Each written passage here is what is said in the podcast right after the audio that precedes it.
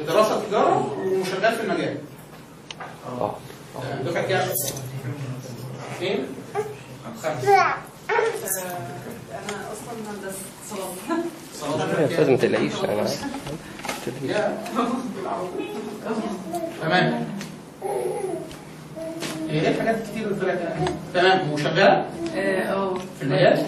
مشروع بحثي في الجامعة. في الهندسة. آه صلاه تمام. في حد تاني إحنا ما خلينا دراسة ولا- لو شغالة قول شغالة؟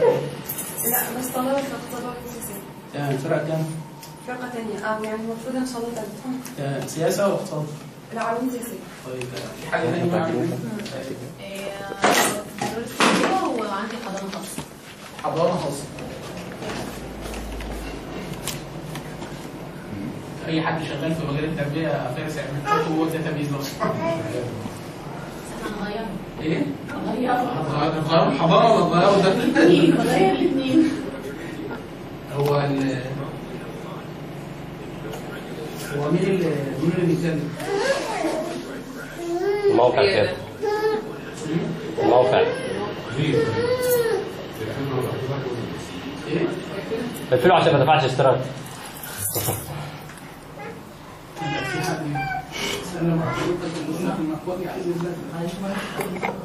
طيب بقى هل الشاشه واضحه كده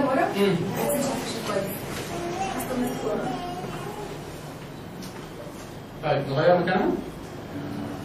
يعني لو رجعت شوية آه طيب نرجع الترابيزه يعني مثلا شوية هي عشان الشنطه الشنطه الشنطه والشاحن لا حاولنا في ده فشوف يكون افضل لأنه أنا كنت أصلا عايز شوف يعني معايا. بس للأسف كنت آخر مرة خدته معانا المنصورة. دور التأسيس هناك وما نسيت ونسيته هناك.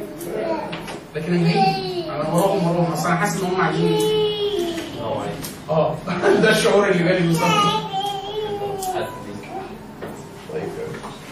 استأذنك في في ال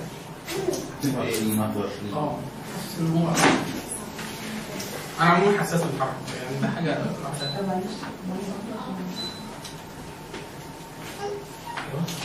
اضغط عليه وخليه يعترف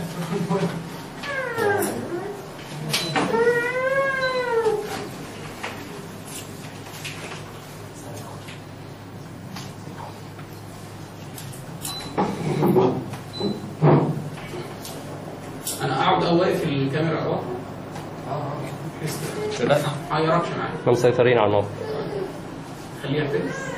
ما هو بيقر أهو. أنا مش شايف صوته عالي.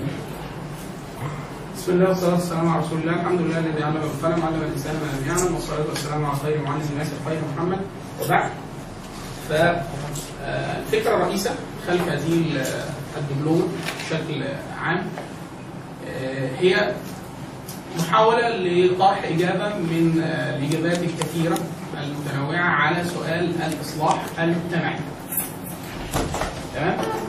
آه، كثير جدا من المصلحين في كل العالم وبالاخص في العالم الإسلامي آه، في التاريخ الإسلامي وفي الواقع المعاصر المعاصر المعيش إما يتصورون أن الإصلاح يأتي من طريق واحد طريق واحد لا غير آه، يهتمون بمجموعة من الحلول من الحلول ويغفلون آه، الباقي تمام آه، لو تم ترتيب آه، إجابات الإصلاح ترتيب إجابات الإصلاح من حيث الأولوية في اعتقادي الشخصي في اعتقادي الشخصي أن ال- الإجابة التي تأخذ الأولوية القصوى هي ال- ال- سؤال الإصلاح اللغوي.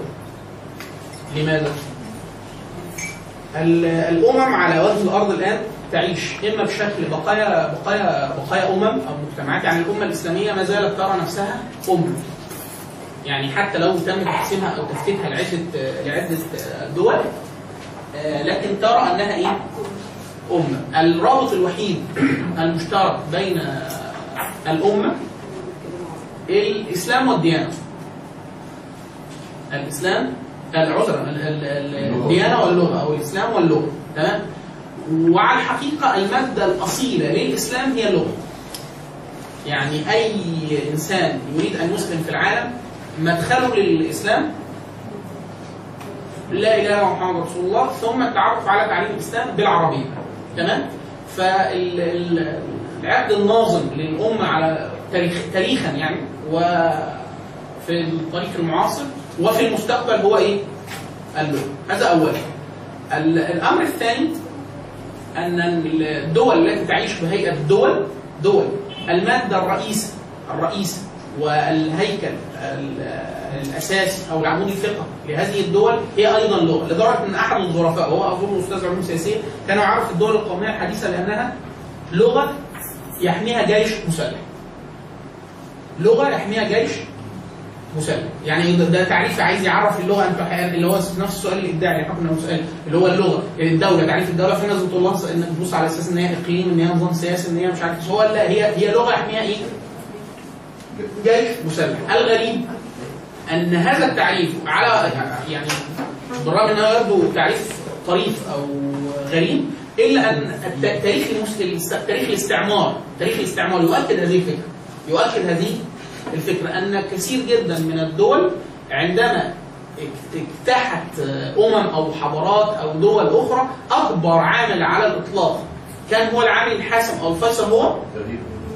أن جيش هذه الدولة الغازية بقوه السلاح اجبر الدولة المغزوه أن تتحول إلى لغة الغازي. أكبر مثال هو أكبر مثال هو مثال فج الآن هي ثاني أول دولة أول لغة في العالم بيتكلمها عدد مجموعة من الناس هي اللغة الصينيه.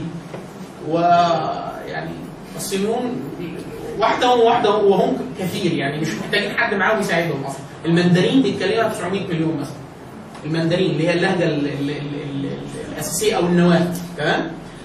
تأتي بعدها الاسبانيه.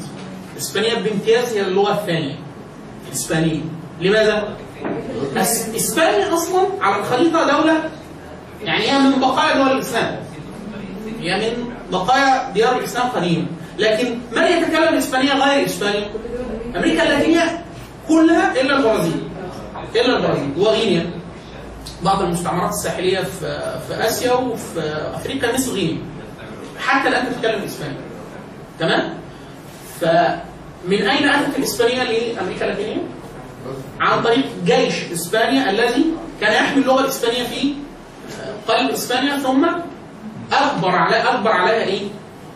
الدولة المغزوة أو اللغة الإنجليزية الآن اللغة الإنجليزية بف- بفعل الأمريكان ومن قبلهم الإنجليز يكاد تكون معظم الكتب الحضاريه الكبرى في العالم إذا أرادت أن آه، يعني إيه تتواصل بلغة مشتركة تتحدث الإنجليزية.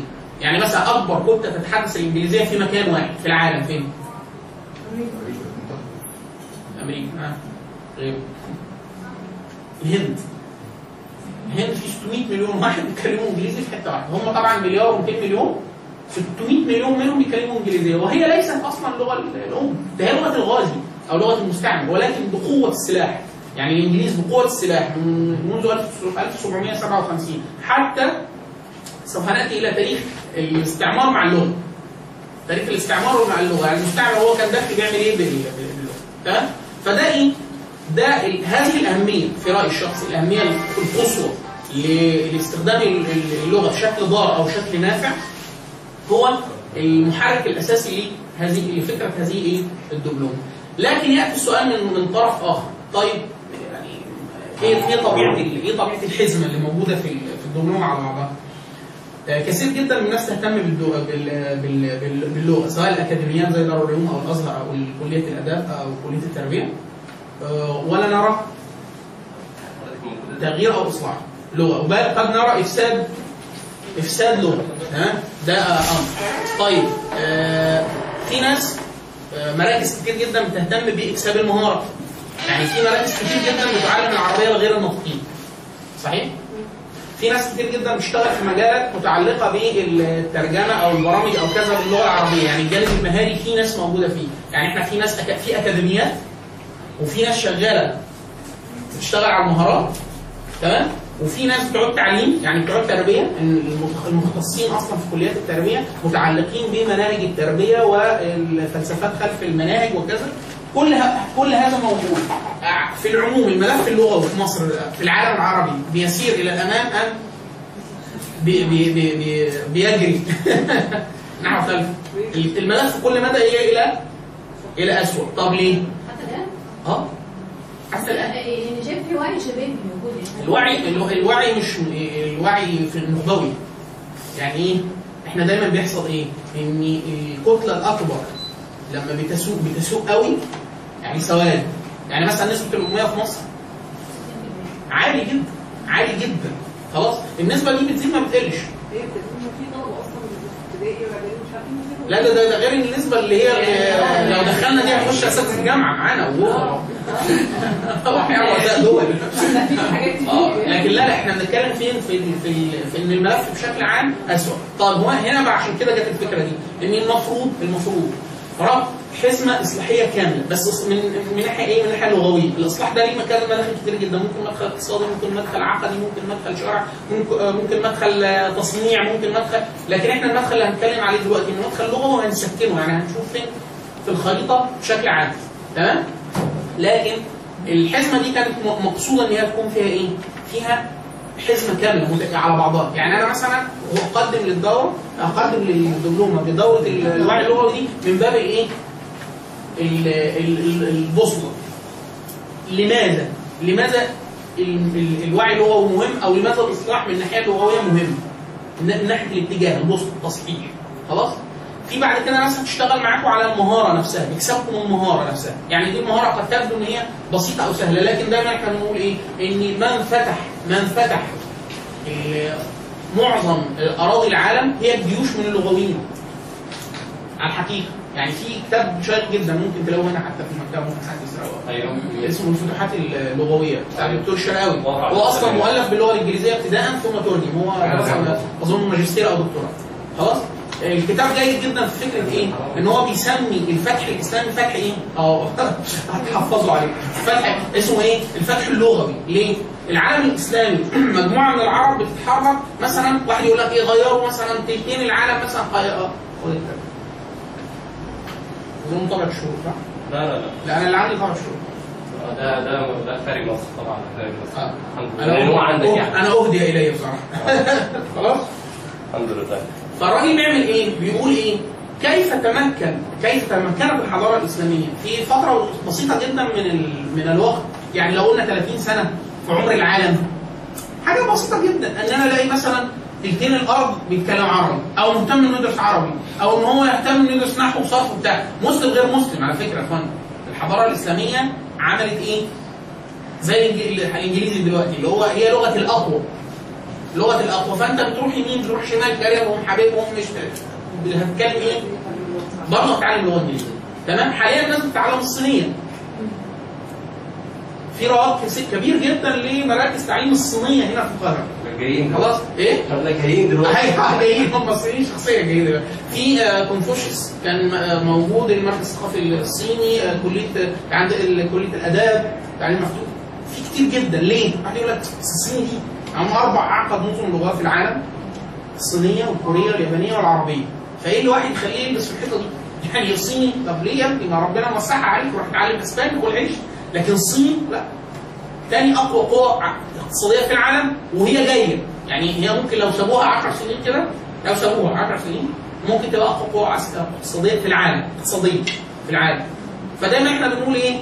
القوي يقوم بلغته يعني أول ما بيقوم واحد بياخد لغته معاه. اللغة دي التركي. التركي مثلا لغة هجينه يعني حتى مش لغة أصيلة قوي يعني حصل عليها كمية امتزاجات مهولة جدا.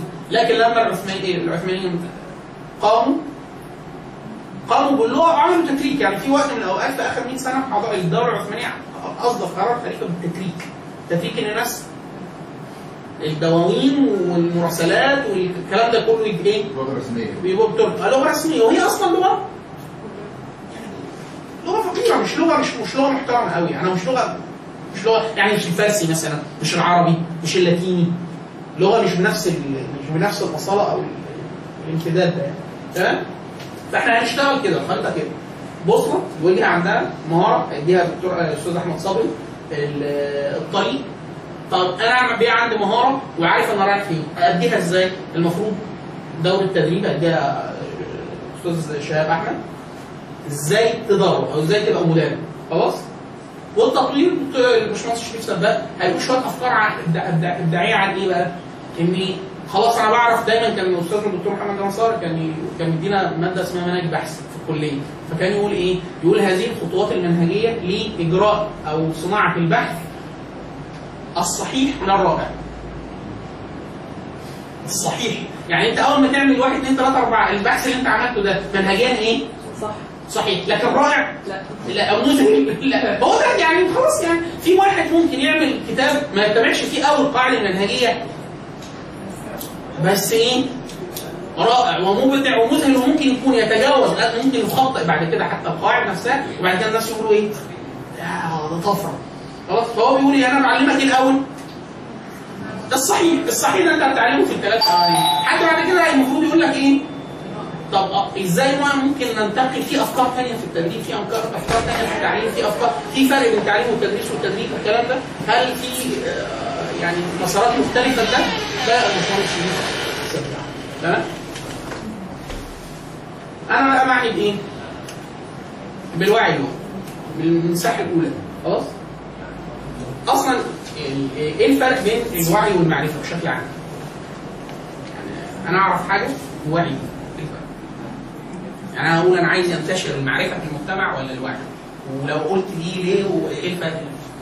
هو أنا أتمنى إن الوعي ده إدراك الشيء ان أنا قرأت عنه وعرفته هو إدراك حقيقة صحيح إنما المعرفة أنا عرفتها من بعيد بس ما طلبتش فيها عمل يعني طيب هو أيوه هو أنا بعمل حاجة بس أنا مش عارفة أنا بعملها ليه يعني حاسة أنا حاسة الوعي يعني النتيجة دي بعد كده إن هو يبقى الشخص عايز يعرف تبتدي اخر معرفة يعني. بالشيء ماشي. أيوه. إحنا حاول يعني هو الوعي بيبدأ. ماشي. واظن إن الوعي بيبدأ بالمعرفة. الوعي بيبدأ بالمعرفة. حلوة قوي ويضاف إليه فيما بعد بقى كوكتيل يعني. أيوه إيه اللي في الكتير ده؟ هو ده بقى السؤال هو ده. بقى. هو أنا طيب عارف هو الهدف مثلا بعمل كده ورايح لفين بس عندي وعي طيب هو بتوع علم الاجتماع أنا هختار هختار تعريف من تعريفات علم الاجتماع للوعي يقولوا الوعي هو إيه؟ معرفة يصاحبها رغبة في التغيير. يعني الوعي هو معرفة هو معرفة بس إيه؟ لازم يكون في رغبة في التغيير، يعني إيه؟ يعني أنا واحد يقول لك إحنا عايزين يحصل وعي مجتمعي. ليه؟ أنا ممكن أبقى عارف يعني إحنا مثلا عارفين مشاكلنا، إحنا مش عارفين مشاكلنا؟ مثلا لينا 100 سنة مثلا عارفين مشاكلنا، عارفين بس إحنا هل في إرادة في التغيير؟ ممكن يكون لا. مش لازم يعني. خلاص؟ فالتعريف اللي أنا هنتقيه طبعا معظم العلوم الإنسانية إحنا ممكن يبقى الحاجة ليها كذا تعريف عشان كده أنا بقول إن ده التعريف اللي أنا بختاره اللي أنا بقوله إن الوعي هو معرفة أو إدراك إدراك بس إيه لازم يكون مصاحب إيه معاه إرادة للتغيير فأنا عندي وعي لغوي ده هيتعلق بقى بإشكالية لغوية لل- للأمة بشكل عام والمجتمع بشكل أصغر أو بشكل خاص لكن لو معهوش إرادة للتغيير يبقى إيه؟ مش مفيد. مثال لده مثال لده.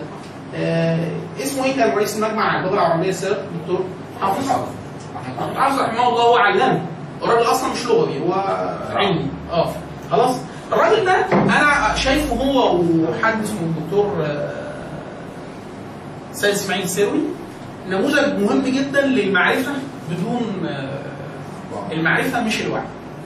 بالمعنى اللي أقصده طبعا خلاص؟ اللي هو ما عندوش إرادة تغيير دكتور حافظ كان إيه؟ رئيس مجمع اللغة العربية. راجل آه، مئوي. يعني كامل 100 سنة. أو يعني أو شرط يعني عاش فتره طويله جدا. وكان الراجل مجتمع فيه كمية علوم محترمة جدا. ورئيس مجمع اللغة العربية وكده. آخر في لقاءات من آخر اللقاءات اللي عملوها معاه قبل ما توفى فسألوه إيه امنيتك يعني؟ فقال إيه؟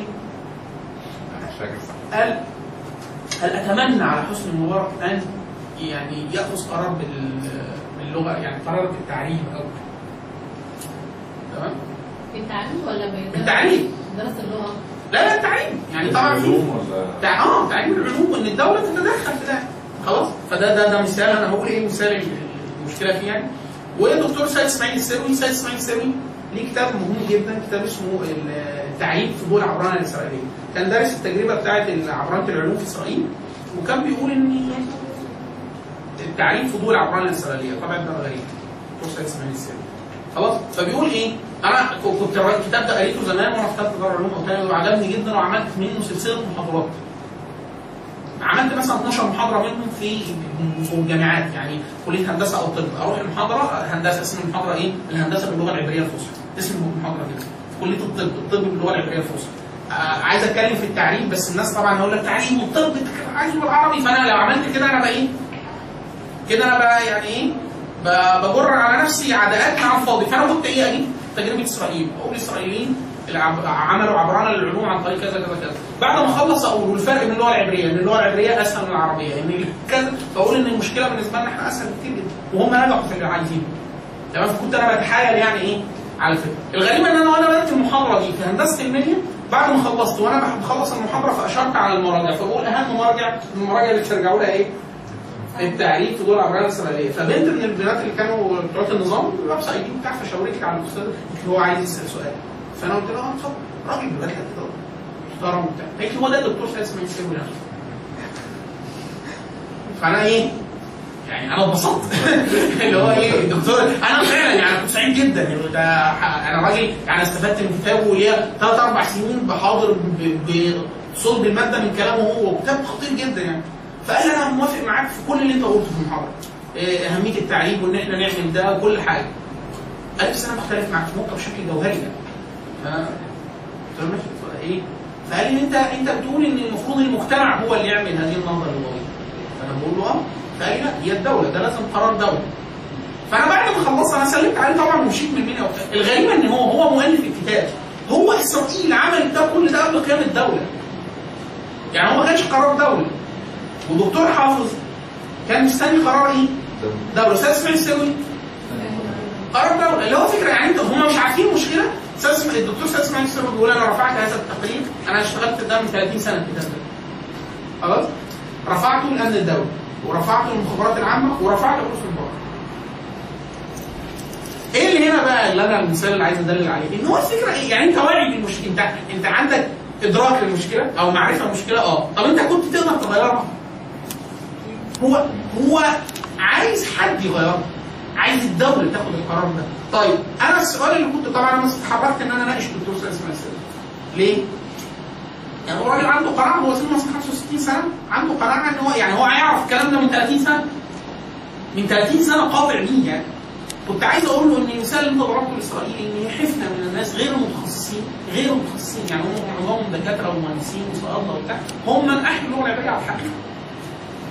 والمعجم العبري اللغة المعجم اللغة العبريه الحديث وكل المعارف التقنية قامت على وجودهم هم أصلا هم غير لغويين بس كان عندهم وعي بإيه؟ وعي فعلا بالمشكلة. يعني عندهم إدراك ومعرفة تامة بإيه المشكلة بتاعت العبرية وإن هي لغة ميتة وإن هي عندها مشاكل. بس هو- يضاف إلى ذلك أيوه. محاولة إحياء المشروع الصهيوني.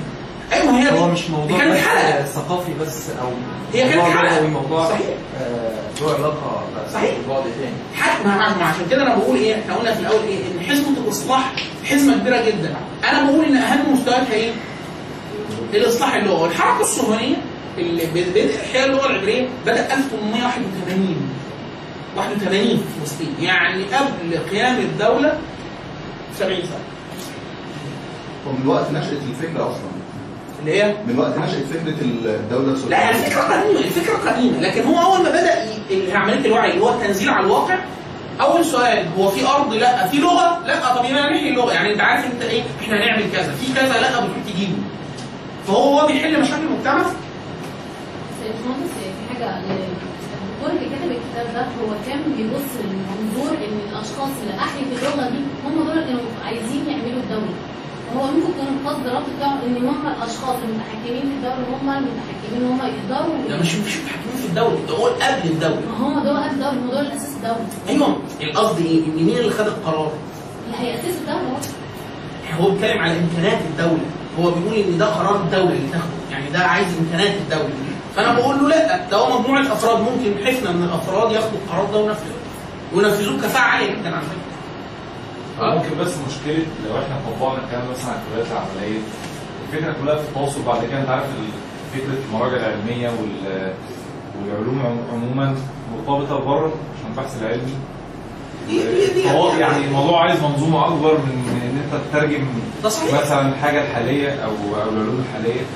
هتحتاج ان انت أصلا منظومة قوية جدا عشان تتواصل دايما مع لأن إحنا عندنا اللي, اللي, اللي, اللي الناس اللي الناس بتقول هو ده دايما ده, ده أنا أنا المحاضره دي عشان بقول لك الموضوع قلته كتير فكل أي الاستشكال ده هو آخر استشكال عارف يعني إيه آخر استشكال؟ يعني إحنا في حاجة العلوم بنسميها إيه؟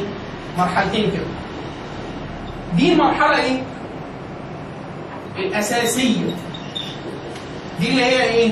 رياض اطفال ابتدائي اعدادي ثانوي جامعه انت عندك كله ده عربي ده كله موجود عربي حتى الطب فانت عندك 16 سنة في جيل بيدرس لمدة 16 سنة بيدرس العلوم الأساسية، يعني إيه العلوم الاساسيه؟ يعني معدل التغير فيها مثلا كل 50 60 سنة عشان يحصل فيها تغير طفيف. العلوم الاساسيه. خلاص؟ يعني مثلا أنت أي حد هنا مثلا يكون درس طب مثلا درس فسيولوجي من 10 سنين 20 سنة التغير ممكن يكون قليل جدا في طريقة الإخراج بتاع حاجة بسيطة جدا. اخراج الكتاب، اخراج المادة ده. لكن العلوم الأساسية زي الرياضيات، الديناميكا الحرارية، الكيمياء، الفيزياء إلا لو كان حصل طفرة في- العلم.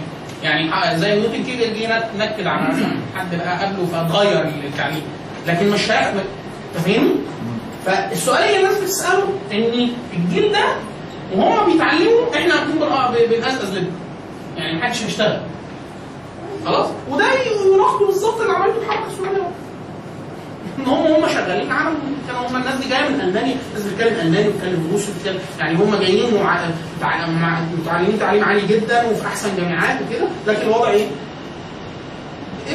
هو ده اللي هيجرنا بقى للفكره اللي هي إيه؟ إن طرق الإصلاح بشكل عام سواء الإصلاح اللغة أو غيره. ده إحنا بنقول دايما إن هو موكول لاي شريحة في المجتمع. ده الطريقة ده اللي هو النظم التقليديه أي نظام كده أي نظام مجتمع سواء أمريكا إسرائيل مصر أي حاجة نظام تقليدي بيبقى فيه ثلاث طبقات طبقة سياسية حاكمة الجماعات الوسيطه والمجتمع. السؤال بتاع الدكتور سيد اسماعيل سير والدكتور آه، حافظ اللي هو إيه؟ إن مين اللي هيعمل ده؟ الطبقة السياسية الحاكمة.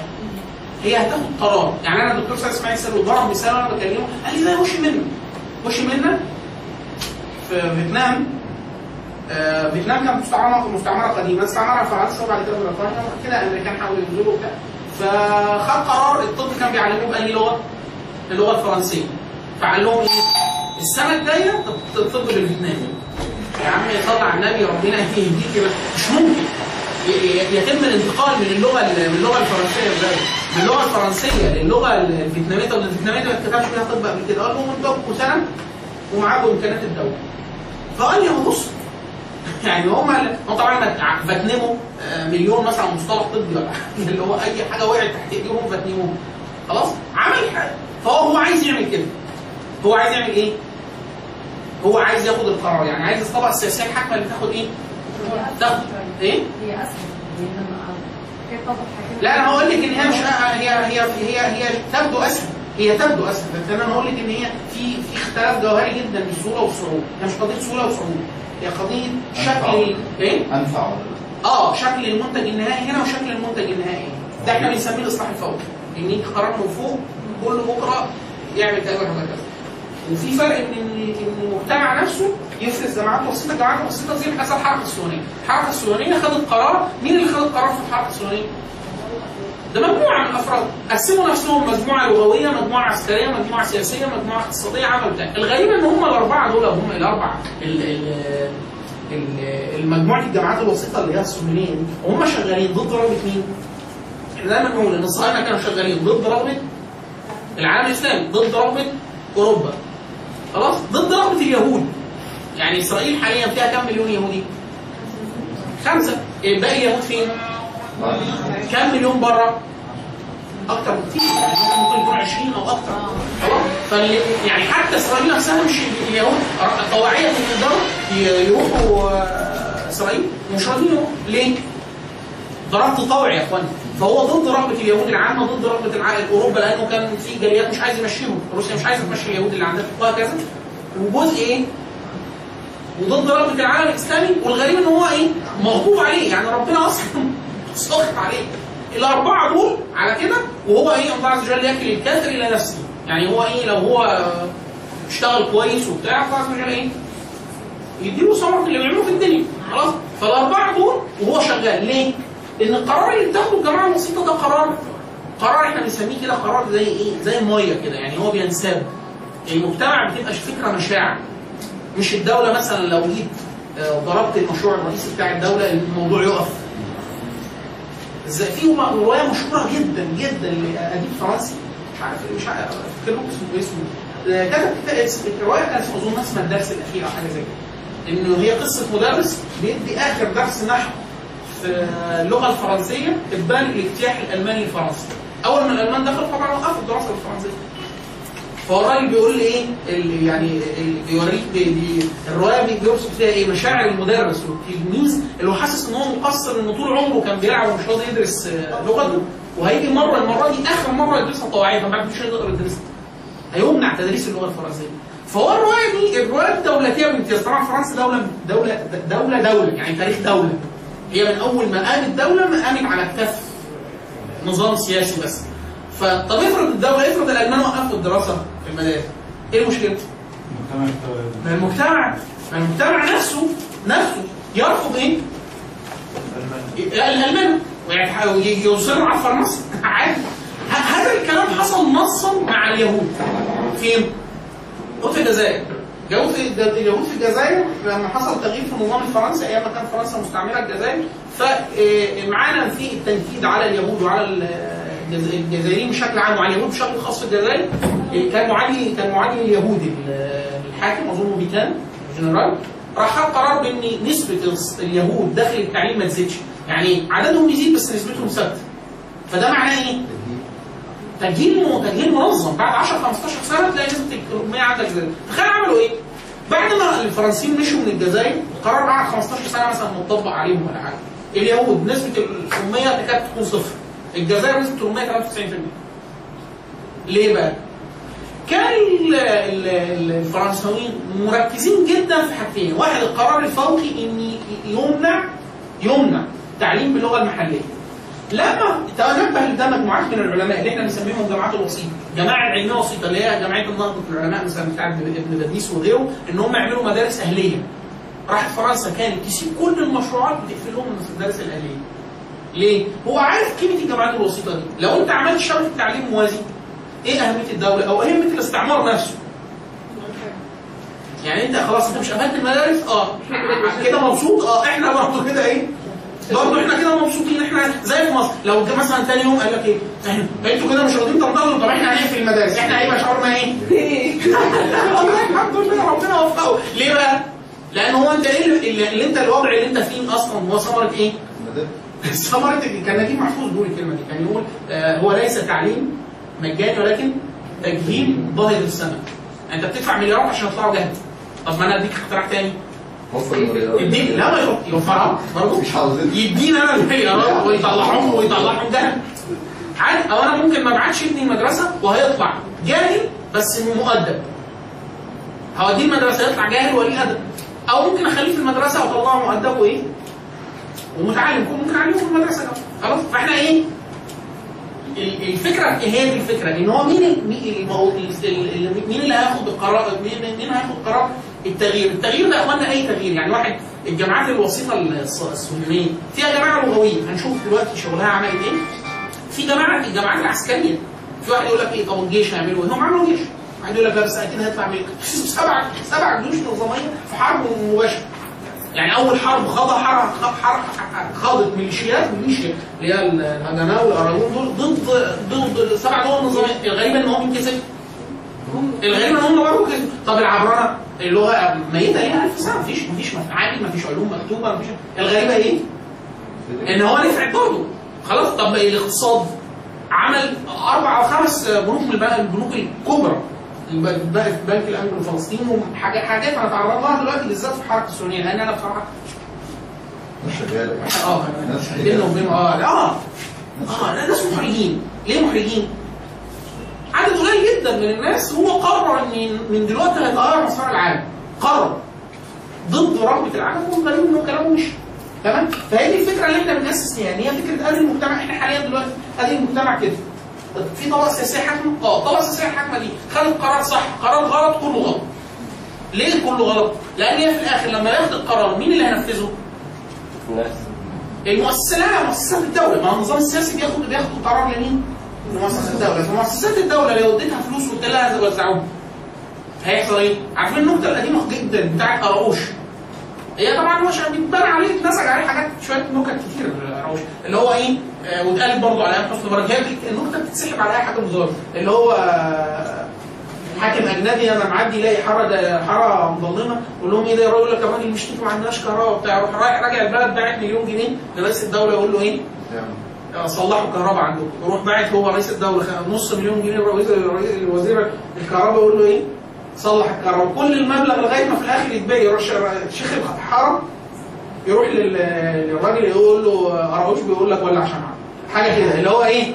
الفساد المؤسسي فانت في الآخر ما بيحصلش أي حاجة أمريكا لما فتحت أفغانستان في 2001 حد من الباحثة علوم اجتماعيه كانت بتقول إحنا إحنا جايين ليه؟ يعني إحنا جايين أفغانستان ليه؟ هم إحنا بنزعم إن إحنا ما عندهمش مؤسسات وإحنا هنعمل لهم مؤسسات لا إحنا كمان هنعمل لهم مؤسسات إحنا هنرفعهم من حالة الايه؟ الجهل والتردي. فعملت تجربه غريبه جدا اللي هي التجربة اللي بتأسس لفكره الجامعات الوسيطيه جابت شوية مجموعة فلوس آه، مدفوعات يعني آه، اعانات وكده واديتها لإيه؟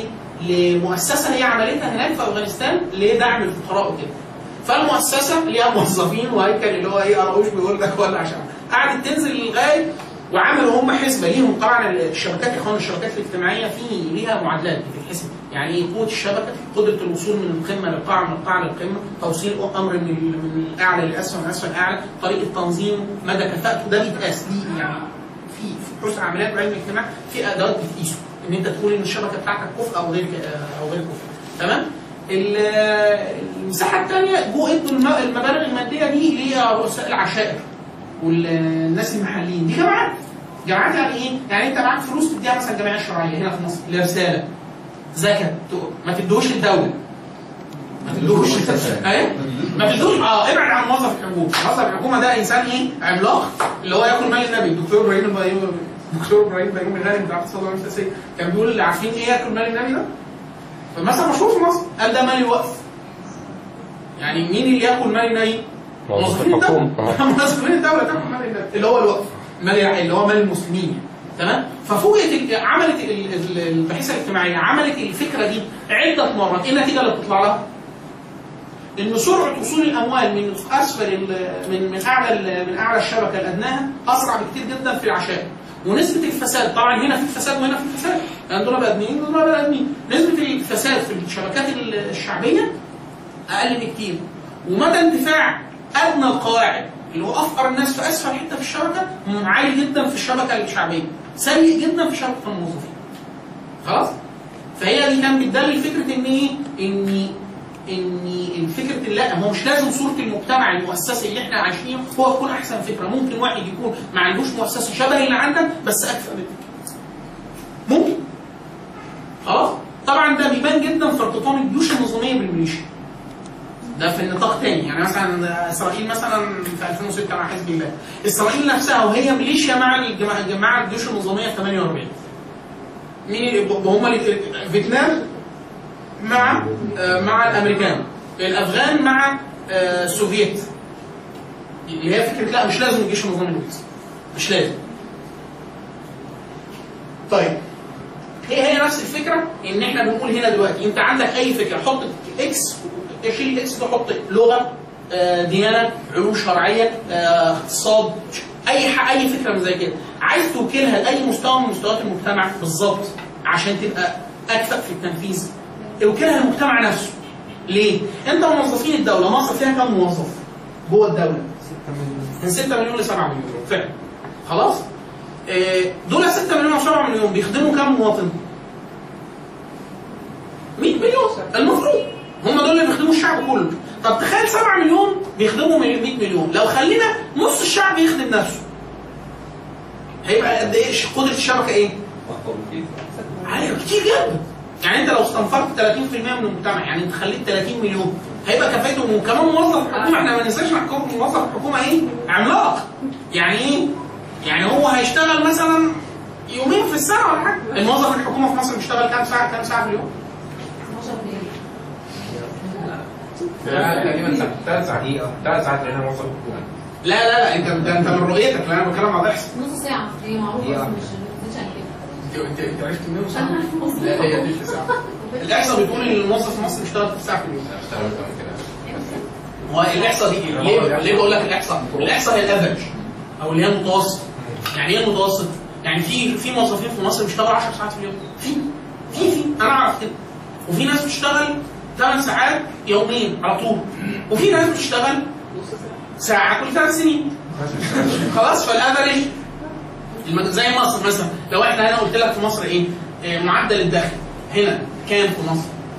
فأقول لك إيه مثلا إيه؟ 100 آه، آه، 3000 جنيه فين يا عم؟ ليه كده؟ ما هو في حد بياخد 5 مليون في الشهر وواحد بياخد 2 جنيه في الشهر هنجمعهم على بعض ونقسمهم على المتوسط أنا عندي كتاب كامل اسمه إيه؟ الكذب بالاحصاء أو كيف الكذب بالاحصاء دايما كانوا يقولوا إيه؟ إيه درجات الكذب يا اخوانا؟ يقول لك الكذب ده الكذب المحض خلاص دي أدنى درجات الكذب بعد كده الإفك. خلاص بعد كده المحنن وبعد كده الاعلام وبعد كده الإحصاء. أول ما الإحصاء يتكلم يعرف إنه هيكذب ويخش في النار على طول إن شاء الله.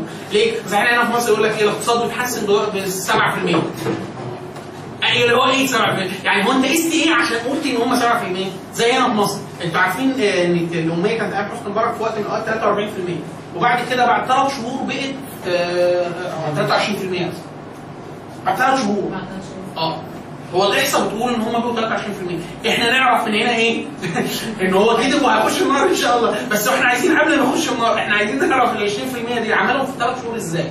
لو حد قال في عندكم حاجة تتاكل عندها لهم دي خلاص ليكم بسكوت عند معتز في ناس سمعتها لا اللي سمعها قبل كده لو سمح هناخد منه بسكوت هنديها اللي اللي سمعها قبل كده. عشان كده بسأل في كام واحد حضر ده بالتاسيس قبل كده عشان آه عشان ما يغرمونيش ما يغرمونيش إيه غيروا تعريف الأمية؟ أيوه هو إيه؟ إيه اللي حصل؟ يعني تاخد الأمور لغاية ما تقولي إيه؟ لغايه ما تقولي زي هو ليش تتحاسب عليهم؟ عم نازل النوفي ده ممكن ياخد منك كرسي قال لك يا طالب طالب الصف الثالث اسحب منه قال لك بتاع ثالثه أول طلعه لا هو اللي حصل؟ هم جه عند ال- المادة المعرفة للأم في مصر هي إيه؟ هو الأم الذي يجعل القراءه والكتابه من سن كذا لكذا راحوا عملوا إيه؟ راحوا غيروا غيروا الشريحه العمريه فأنت قانونيا الدولة بتقول عليك أنت مش داخل جوه شريحة الأم. فأنت لما تصحى الصبح من النوم هتلاقي نفسك إيه بعد ما القانون؟ اتغير هتلاقي نفسك متعلم ما شاء الله. خلاص؟ الدولة قررت إن أنت إيه؟ أنت ده مش أم. أبوك أما حاولت أنا وأنا نايم. نفس الحكاية. فهي إيه؟ الفكرة ان إن القرار ال- القرار الفوقي ده القرار الفوقي ده هو ممكن إيه؟ يبقى ملبس أو ان هو اتعلمه أو ما اتعلموش خدوا فلوس ما خدوش فلوس. الحاجة الشعبية أو الأهلية يعني مين أكثر مثلا في موضوع محو الاميه الدولة؟ ولا صناع حال؟ صناع حال صناع حال سنه واحدة محو اميه 95000 واحد. 95000 واحد بمتطوعين بس يا إخوان. إقليم كيرلا هنا إقليم كيرلا ده قد مصر تقريبا. تقريبا. مساحة يعني يمكن الهند يعني. خدوا مرة جايزه الامم المتحده 100% 100% محو 100% آه، في كتير دول دول اشتراكية في أمريكا اللاتينيه في بعد الثورات وبتاع. آه، عملوا مشروع قوي. خمس سنوات محو الاميه بالكامل. محو الاميه بالكامل. كيرلا دول اشتراكيين. يعني إيه؟ كيرلا متطوعين. كيرلا متطوعين. إيه؟ تربيته ما فيش؟ يعني ما يتخيل اقليم بإقليم هند يعني إيه؟ هتكلم في- ملايين يعني أنا قلت يا جماعة محيط الاميه في ثلاث سنين. كلمة محيط الاميه النقطة دي مهمة. يعني أنا مش خمسه عشرة مصر من أيام من زمان. يعني إحنا مثلا الإنجليز لما كانوا قاعدين سنة كام؟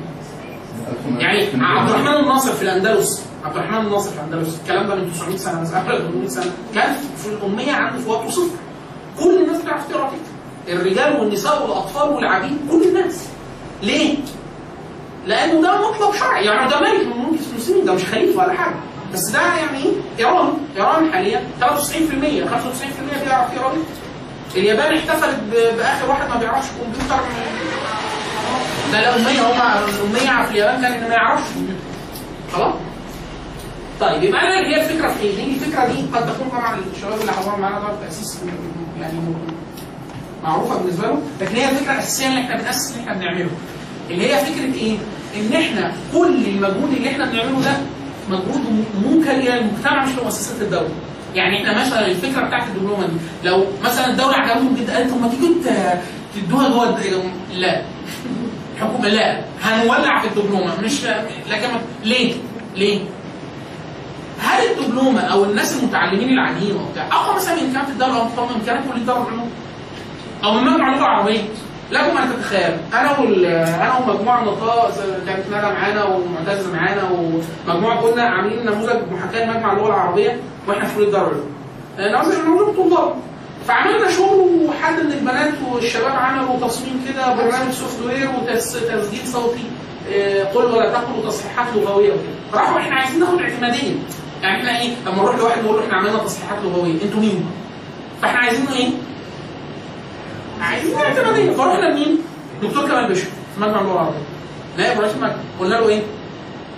إحنا بنعمل كذا وقال له والله ده جميل قوي طب وروني حاجة اللي أنتوا عاملينها كده فجبنا له لابتوب فتحناه وقلنا قال طب والله أنتوا عايزين اعتماديه بقى إحنا طب ده احسن من المجمع ليه؟ فاحنا قعدنا نضحك قلنا له لا العفو قال لا والله أنا أنا راجل أنا ما بجاملش حد قال أنتوا إحنا مش عارفين نوصل للناس إحنا بنعمل كتب بنحطها على طول أنتوا نازلين مشتبكين مع الآخر فانتوا بتغيروا على الأرض فعلا فهو كان السؤال فكرة إيه؟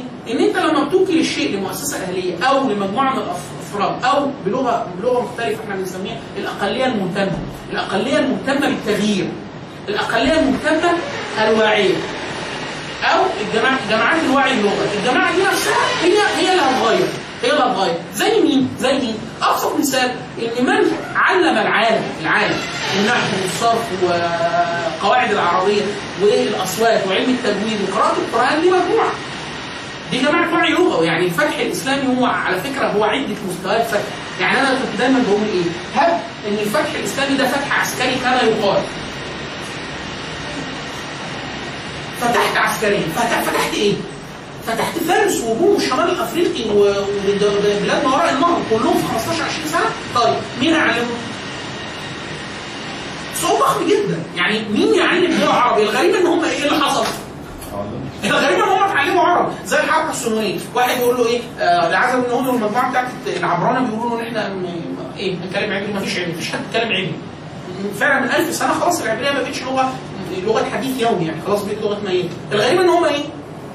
انه خلال 20 سنة بقي في عنده مجمع اللغة العبرية عنده مع- معاجم عنده كتب عنده كتب علمية مدونة بالعبرية عنده كمية مدارس رياض أطفال وتعليم فتيات هنا بقى السؤال إيه؟ إن هو الفكرة اللي أسس ليها أو كانها لمين؟ أو- أو كانها للجماعه البسيطه أو الاقليه المهتمه خلاص اللي هو إحنا ده بنأسس كده إن المطلوب المطلوب يا اخوانا ده بشكل يعني ده ملخص اللي أنا عايز أستهدفه من الدبلومة كلها. إن حضراتكم وغيركم تتحولوا لشبكه لغوية مهولة. شبكة لغوية تبدأ من الأساسيات. يعني مثلا أنا دلوقتي الشبكة بتاعت اليهود آه، تحت الجنرال بيتان في الجزائر كانت ممكن ليها إيه؟ تخيلوا إيه في الشبكة؟ كانت ممكن ليها إيه؟ كل واحد بس ممكن ليه تعليم مجموعة من الاطفال بس بشكل دولي ثابت. فإيه اللي بيحصل؟ إن مستوى التعليم ثابت في في الجالية اليهوديه إن كل الناس متعلمة. واحد يقول لك إيه طب ماشي بعد ما يعني ما هو الفكرة في أنا مش ممكن تجيب لي واحد اعلمه هندسة ولا حاجة إلا لو هو إيه؟ مش مستوى طب إحنا دلوقتي عندنا مشكلة أحيانا طلبة الجامعة لما بنحيلها على كتب نقول له خلاص اقرأ كذا في التاريخ. لغته ضعيفة نفسها. فأنت عايز تبدأ من تحت خالص. أنت عايز تجيب المجموعة إيه؟ من جذرها. حد ش- لو حد فيكم مطلع على تجربة نور البيان؟ نور البيان. آه. التجربه دي جيدة جدا؟ ان هي فكرة منهج تم تم اختباره وصياغته صياغة جيدة وعملوا له كتب ومادة علمية بالرغم إن ده مش أفضل شيء يعني ده في في ممكن التجربة يتعمل عليها الطاقه الذهبيه نفسها اللي المفروض هيشتغلها معاكم أستاذ أحمد صبري هي أصلا تطوير للتقنيه النورانيه اضافت عليها حاجات وزيادة شوية حاجات. يعني إيه الراجل يشتغل نفسها على الطريقة لكن الطريقة إيه؟ أنا في رأيي الشخصي أنفع بكثير جدا من معظم المعاهد الازهريه ليه؟ لأن هي منتشرة شعبيه يعني أنت بتجيب 10 بتدربهم بي... يعني أنا فاكر كنا مسؤولين عن آه، حضانة في الصعيد تابع جمعيه أنصار السنة المحمديه وهنبدأ عام دراسي نعمل إيه؟ رحنا جبنا مجموعة من الفتيات اللي هم المدرسات. 10 آه تمام. أنتوا هتشتغلوا معانا آه تمام. رحنا جايبين لهم إيه؟ مدرب. أو اثنين يشتغل معاهم إيه؟ بالطريقة الآخر جدا. المد... الم- الحضانة بتاع- بتاعتنا دي دي كانت إيه؟ برغم ان هي مستواها المادي بسيط جدا وبشكل عام. أحسن راتب إحنا لأن معظم الناس اللي كانت ماسكة الجمعيه متشرعين. خلاص؟ فإحنا كان الهدف منها من- منها هدف إيه؟ هدف رسالي وده أهم حاجة في شبكات المؤسسات الأهلية إن أنا عايز الرسالة تنجح. خلاص؟ فإحنا كنا بنقول إيه؟ إن هم لو مدرسات البنات اللي إحنا مش شغالين اديناهم فلوس كويسة جدا مش مشكلة. يعني ده أعلى من أي راتب برضه اثنين إن هم عشان الموضوع واخدينه ديانة وإحنا بنديهم دروس شرعية وبتاع فواخدينه بجد. أحسن حضانة قعدت مثلا لغاية دلوقتي أحسن حضانة في المحافظة. سؤال. ليه؟ بيقارنوا بيها أي مدرسة؟ لغات في مدارس لغات لما تجيبوا يخشوا معاهم مسابقات يقولوا لا خلاص. يعني يدوهم الجايزة على طول مش مش مش هنخش. ليه؟ لأنه بيتفضحوا أنت بتقول إيه؟ أنا باخد مصاريف قد ده. هو عارف يعني أنت بتاخد كام مطالب رقم قد كده. رقم بسيط جدا. أنت بتاخد قد إيه؟ كذا ومش عارف إيه ورائد فضاء ويطلع مش عارف. طيب اقروا عربي قدام بعض. اقرأ حاجة ما قريتهاش. اقرأ حاجة مش متشكلة بالتشكيل. اقرأ قرآن فضيحة. كل مرة بيعمل فيهم الحقيقة وكل مرة دي بتضربه يعني اللي هي إيه؟ أنت بتوضحه قدام الناس في ناس يقول لك اديهم الجايزه اديهم الجايزه من غير إيه؟ حد معاه مناديل يا رجاله؟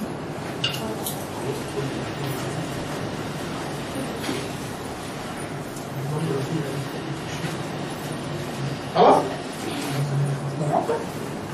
الصوت فأنا يبقى أنا كده بشكل بسيط جدا. أنا أنا أنا كمجتمع إحنا كمجموعة من الأفراد في أي فكرة. يعني إحنا هنا في الفكرة اللغوية بس. لا أنا بتكلم على أي فكرة. مطلوب إن هي هت- هتقوم بالفرض الكفائي المتعلق بالمسألة اللي هي مهتمة بيها. تشيل كلمة وعي لغة تشيل كلمة لغة ومن الوعي اللغوي تحط أي حاجة تاني. وعي تربوي وعي اقتصادي وعي شرعي وعي أي حاجة. خلاص؟ المفروض إيه اللي يحصل؟ إن مجموعة أقلية مهتمة من المجموع تقوم بانشاء شبكة خاصة بهذه الفكرة. توكلها لمؤسسات أهلية. انسى خالص موضوع الدولة على الأقل لمدة مثلا إيه؟ حركة 10 سنين ضوئيه يعني إيه؟ لغاية ما ربنا الحل ويفوت.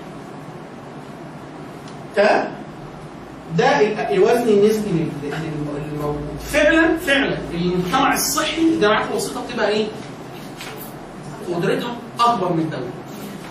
لكم ان تتخيلوا في كتاب خطير جدا كان كاتبه كاتب أمريكي أستاذ اعلام اسمه هيلبرت شيلر كتاب اسمه متلاعبون بالعقول. متلاعبون بالعقول كان بيقول إيه؟ بيقول ليه الشركات الخاصة وهي الشر- الشركات نوع أو شكل من أشكال الجامعات الوسيطه. شكل لأن ده اقتصاد خاص مش بتاع الدولة. خلاص هو بتاع الناس تقريبا هو بالفعل أقرب لاقتصاد الناس آه بيقول ليه الدولة ما بتقدرش تراقب على مجموعة من الشركات في أمريكا ليه لأن الخبرة الفنية اللي عند الشركات اعلى من الدولة يعني مثلا تخيل أنت عايز إيه؟ تراقب أعمال مايكروسوفت الفنية. خلاص؟ طب هم أصلا عندهم أعلى ناس في المجال في العالم. كان طلع لهم نجلة من نجلة من وزارة الصحة. قال لك ففعلا هيروح يعمل لهم إيه؟ خلاص؟ آه في شركات في أمريكا هي أصلا بتعمل أجزاء من اهم من أكثر اجهزه الاجزاء الحساسه في السلاح للجيش الأمريكي. خلاص في شركات كده. شر- شركة BMW أصلا ألماني تتعاقد مع الجيش الامريكي كده. شركات في شركات General Motor مثلا إمكانياتها أكبر من مصر من مصر كلها نزلت الشركة خلاص؟ فالدولة هتيجي تراقبها تقول لهم إيه؟ مرة مايكروسوفت من النوادر من نوادر القضاء حد قضوا مايكروسوفت في حاجة فقالوا خلاص إحنا هنقدم الوثائق بتاعتك خلاص ادونا ادونا الفرصة دي. فقالوا له خلاص خد فرصتك ادوهم وثائق ال- المحكمة. طبعا المحكمة وق- وقفت النظر في القضية. وخلاص قالت لا يعني مش هننظر فيها. ليه؟ مايكروسوفت قدمت الوثائق بتاعت القضية اللي عايزة المحكمة تنظر فيها قبل النطق بالحكم. كام كام ورقة؟ مليون ورقة. مليون ورقة. عايزين تقروا آه وعايزين وثائق. بشكلك فاهم. خدوا وثائق. اللي هو فكرة هو إمكانيات الدولة أضعف من إمكانيات إيه؟ لكم ان تتخيلوا إن أمريكا أمريكا. إحنا هنا إحنا تلت أمريكا في العالم. تلت تقريبا أمريكا في العالم. أمريكا إحنا لو قلنا إن إحنا 100 مليون هم تقريبا 300 مليون تقريبا. أمريكا عندها مليون مؤسسة أهلية. مليون مؤسسه مصر فيها كام مؤسسه اهليه؟ قبل الثورة كان 25 قبل يناير كان 25000 بعد الثورة وخم- 45000 حاليا مش عارف. يعني خلاص. الشاهد إيه إنه حتى ال 45 دول مش متفاعلين مش مفعلين يعني أمريكا في شركات في في منها جمعيات يعني مثلا معظم الجامعات الكبرى آه، وقفيه هي مؤسسة. مؤسسة أهلية مش بتاعت الدولة. يعني هارفارد مثلا مش بتاعت الدولة. ده وقفيه وقفيه قديمة. اليابان. اليابان طبعا وضع مختلف. حتى لما بيقارنوا باليابان بالأمريكان نفسهم بيعد... اليابان فيها جمعية فيها 12 مليون عضو جمعيه كده دي شقة. 4 12 مليون. ال- ال- الهند. الهند طبعا بس طبعا الهند طبعا ده الرقم ده بالنسبة يدين يعني يدين الهند مش بس. طبعا الهند فيها مليون مؤسسه طبعا أمريكا أمريكا أقوى من الهند مجتمعيا. ليه؟ الهند مليار و200 مليون. أمريكا 300 مليون انت ده أربع مرات. يعني المفروض الهند يكون فيها لو هي لو بالنسبة 4 مليون مثلا آه، مؤسسة أهلية. إسرائيل فيها 45000 جمعيه آه، مؤسسة أهلية. إسرائيل وهم 5 مليون. وإحنا 100 مليون. إحنا عندنا 45000 وهم عندهم 45000 مؤسسة أهلية. خلاص؟ طيب. يبقى أنا أنا دلوقتي الكادر اللي إحنا عايزين نعمله ده هو في الأصل كادر إيه على الحقيقة؟ كادر إصلاحي لازم يبقى واعي بيه لازم يبقى واعي بيه إن هو الهدف النهائي زي الكادر بتاع العزم اليوماني دي هيجي الكلام عليه دلوقتي اللي هو الحركه السهوليه أنت عايز تعمل إيه؟ هو أنت شغال لغة بس أنت عايز تعمل إيه؟ فوق الصورة الكبرى إصلاح ده خريطه كاملة منها أو أول حاجة لغة لو ما بدأناش باللغة يبقى في حاجة غلط المنتج اللي هيطلع في حاجة غلط ليه؟ أنت ممكن تعمل مثلا هل العالم الإسلامي ده المثال ده بضربه هل العالم الإسلامي متخلف من ناحية التقنيه؟ من ناحية التقنيات. عالم اسلامي لا. الناس بيقولوا آه إحنا فقراء. بتاع دايما بيجي يكون ممكن ساكن في بولاق مثلا من الصعيد بتاع؟ لا هو العالم الإسلامي مش مصر. العالم الإسلامي فيه دول نووي. يعني أعلى حاجة في السلاح إيه في العالم؟ النووي في آه، باكستان معانا. نووي الصواريخ البالستيه آه، إيران مع آه، آه، اسمه إيه ده؟ إيران وباكستان عندها مجموعة صواريخ كويسة. آه، تصنيع سلاح آه، تركيا و- واندونيسيا آه، وايران ومصر قديما لغايه أيام السادات كانت بتصنع سلاح كويس معقول يعني حركات خلاص. آه اي حد تحت كبير السلم حاليا انت حضرتك شفت 3 دي برينتر 3 دي برينتر 3 دي برينتر لو في اثنين مهندسين ميكاترونكس ي- ي- ي- يبيتوا الناس من المغرب 3 دي برينتر تعمل بيها اي حاجة أي حاجة حط تحت أي حاجة 3 دي برينتر دي إحنا اخوانا هندسيا الناس وصلوا لإيه حاليا دلوقتي؟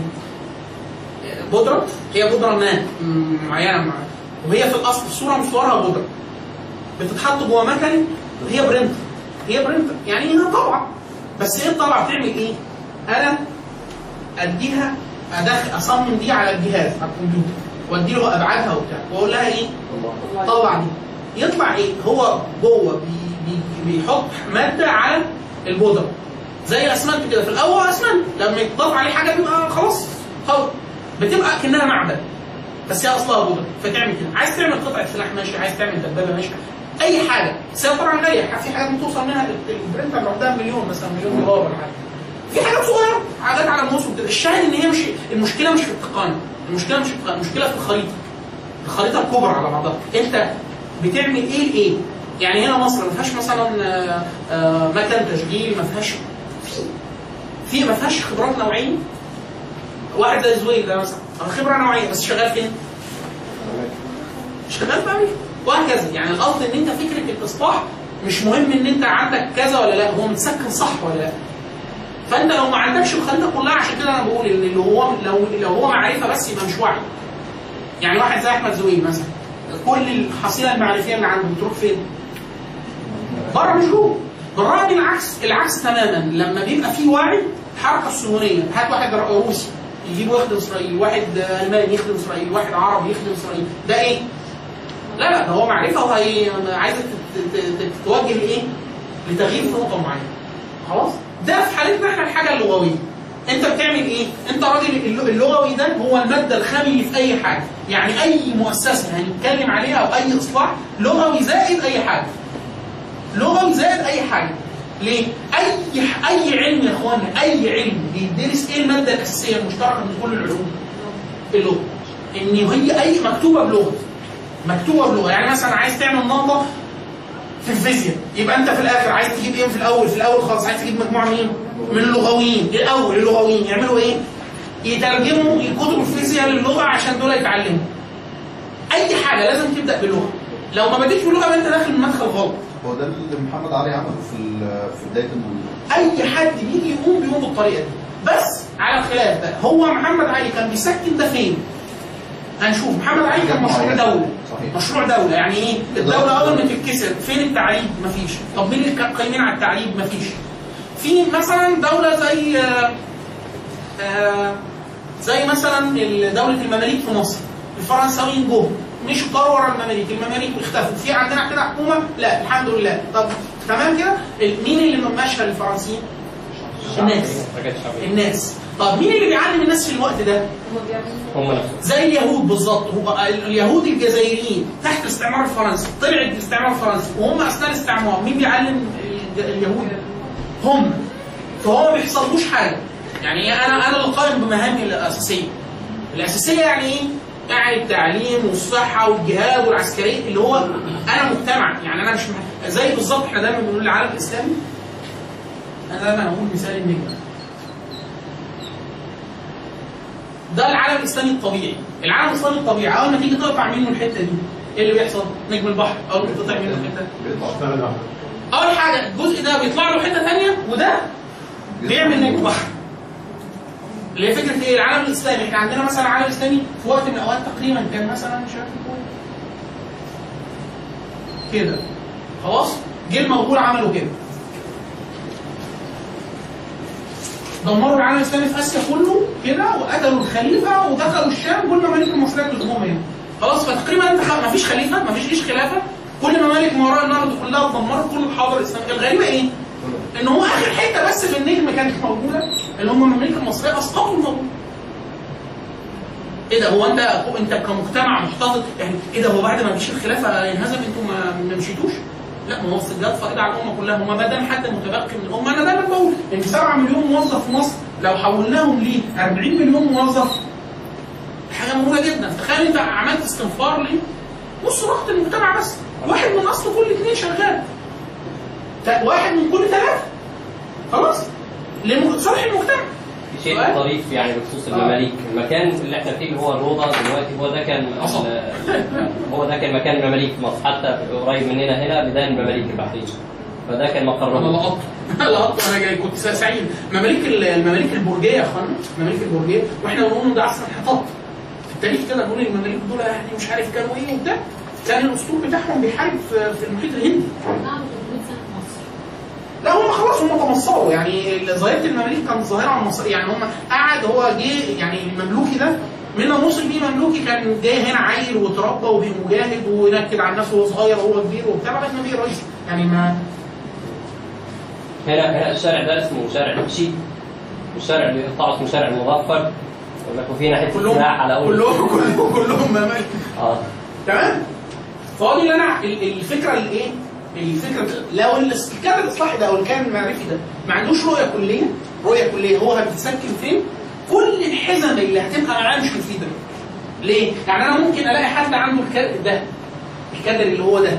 يعني هو مهاري وإداري وتنظيمي. أنا أعرف أحسن كوادر في مصر في شركات ال multinational يعني أنا أعرف ناس من اصدقائنا شغالين في شركات multinational معاه ثلاث أربع لغات آه، دارس إدارة بكثافه دارس مش عنده كل حاجة في ده خلاص طيب أنت بقى بتعمل إيه؟ أنا بخدم الشركة طيب الشركة دي بتخدم إيه في الأم؟ أنا مش دعوة يعني أنا مش دعوة بالام أنا ليا دعوة بإيه؟ الشركة طب أنا خلصت الشركة دي أروح فين؟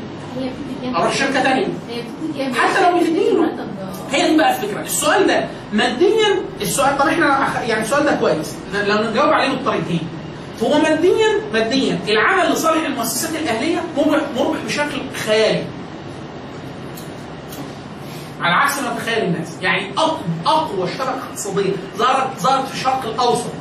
في آخر 20 سنة هي شركه شركه مؤسسة أهلية مالية اللي هي شركه شركه ش- شركات توظيف الأموال في مصر. في آخر السبعينات حتى ضربت سنة 79 آه الريان والسعد ومصر والشريف. خلاص؟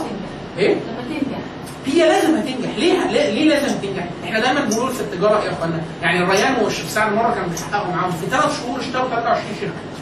23 مصنع. ف هو انت جبت فلوس منين؟ فقال له أنا معايا فلوس الناس كلها. يعني مو- تلت الشعب المصري حاطط فلوسه معايا. خلاص؟ فأنا لو عايز أشتري حاجة مثلا مين معاه؟ السعر بشر السعر انت بتقول أنا لو كنت دايما ماشي معاه في الشنطة العربية مليون جنيه. هو وقتها ده. يعني الجنيه كان بدولار ما بيتنطقش آه ما تجيبش جنيه بدولار يعني انت فاهم معاك مليون دولار في الشنطه قيمه قيمه شرائيه عاليه جدا بحيث اي يقول له العماره دي بكام؟ يقول له مثلا ب- مثلا ب 100000 يقول له أنا اشتريها ب 80 دلوقتي وهي فلوس طالعه شوف ال- الفلوس طبعا يجيله جلطه هيبيع دلوقتي طبعا فكره ان انت معاك سيوله ده اي حد يعني دارس اقتصاد أو قاري اقتصاد السيوله نفسها قوه في حد ذاتها السيولة نفسها. دي هي لوحدها بتكسب, صاحبها. يعني اللي معاه مليون جنيه بسهوله جدا خلال شهر ممكن يخليه 5 مليون 10 مليون. ما دام معاه مليون. ليه؟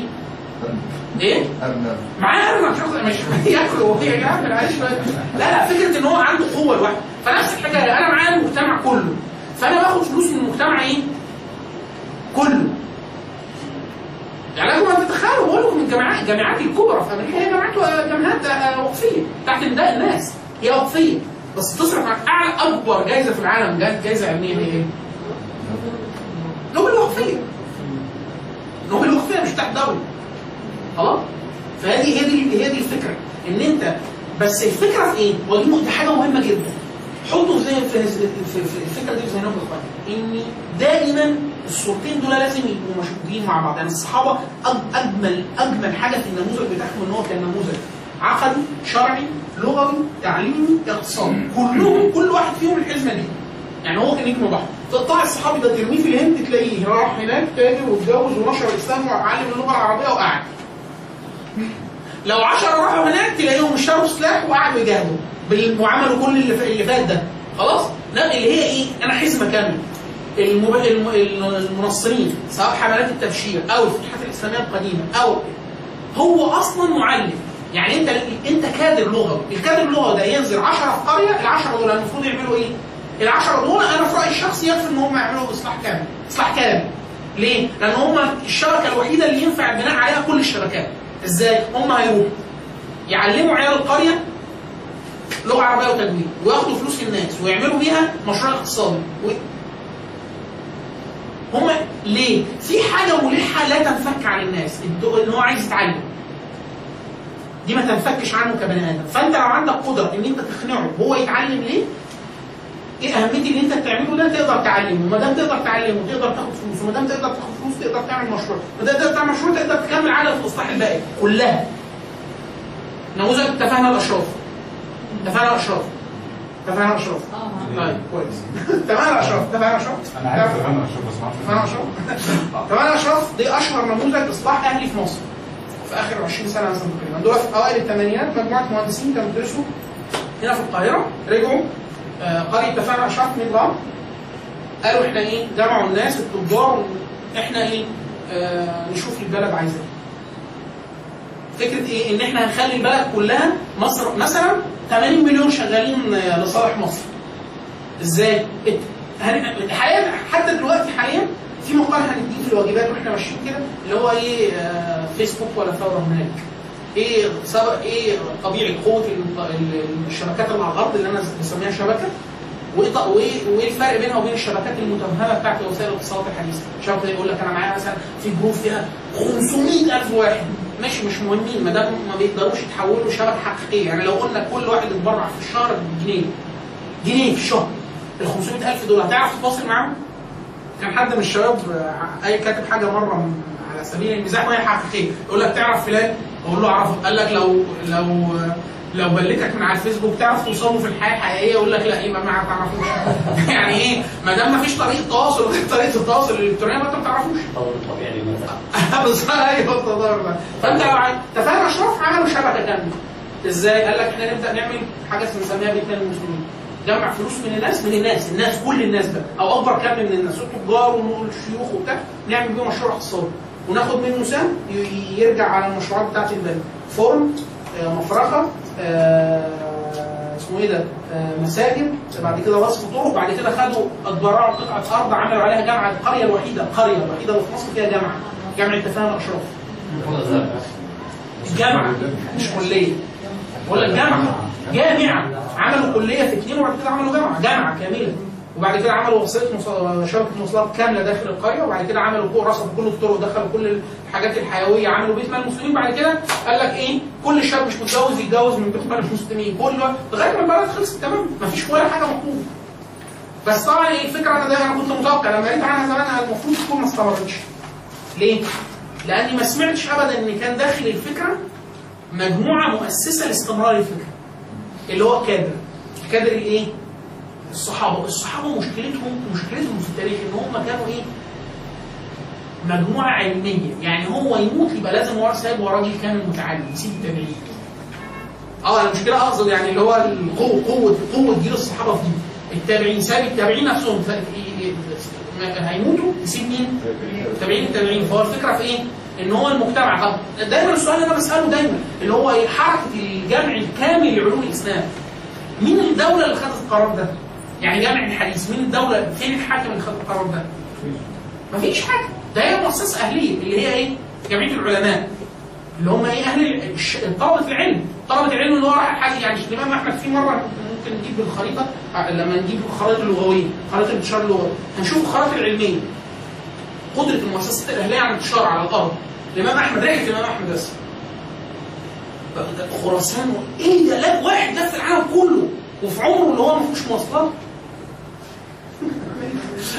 العمر اللي هو ما فيهوش مواصلات اللي هو مش عارف وقدر يعمل ده؟ طب هو مين اللي دفع له ده؟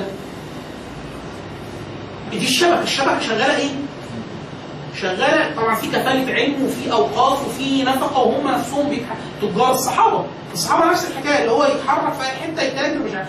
النموذج ش... ش... مشابه جدا ليه ده النهضة بتاعت البروتستانت. في التاريخ المعاصر نهضة بريطانيا وأمريكا والعالم الغربي. كان كاتب ماكس ماكس فيبر أشهر كتاب اللي هو الأخلاق البروتستانتيه والراسماليه كتاب مشهور جدا اللي هو إيه؟ إن ما دام عندك منظومة قيمية وعندك منظومة اقتصادية لو عرفت تنسجهم مع بعض دول هيعملوا لك إيه؟ شبكة نمو قوية جدا. خلاص ده متشابه جدا مع شبكة توظيف الأموال أيام ال- في أوائل الثمانينات، لكن طبعا ليها أسباب إن هي إيه سبب إن هي اعيقت أو ضربت تتعلق أنا في رأيي الشخصي مش تتعلق بما محمود صدد اللي هو إيه الوعي؟ إن هو ما كانش عارف هو فين بالظبط. فجه اتسكن في حتت غلط أو عمل حاجات لا ينبغي للشبكه الاهليه إن هي تعملها. زي بالظبط إيه؟ السؤال اللي اشهر في السياسة حاليا. جماعة علميه زي مثلا الحركة الحركة السلفية. المفروض هي أصلا مسكنة نفسها في الأول.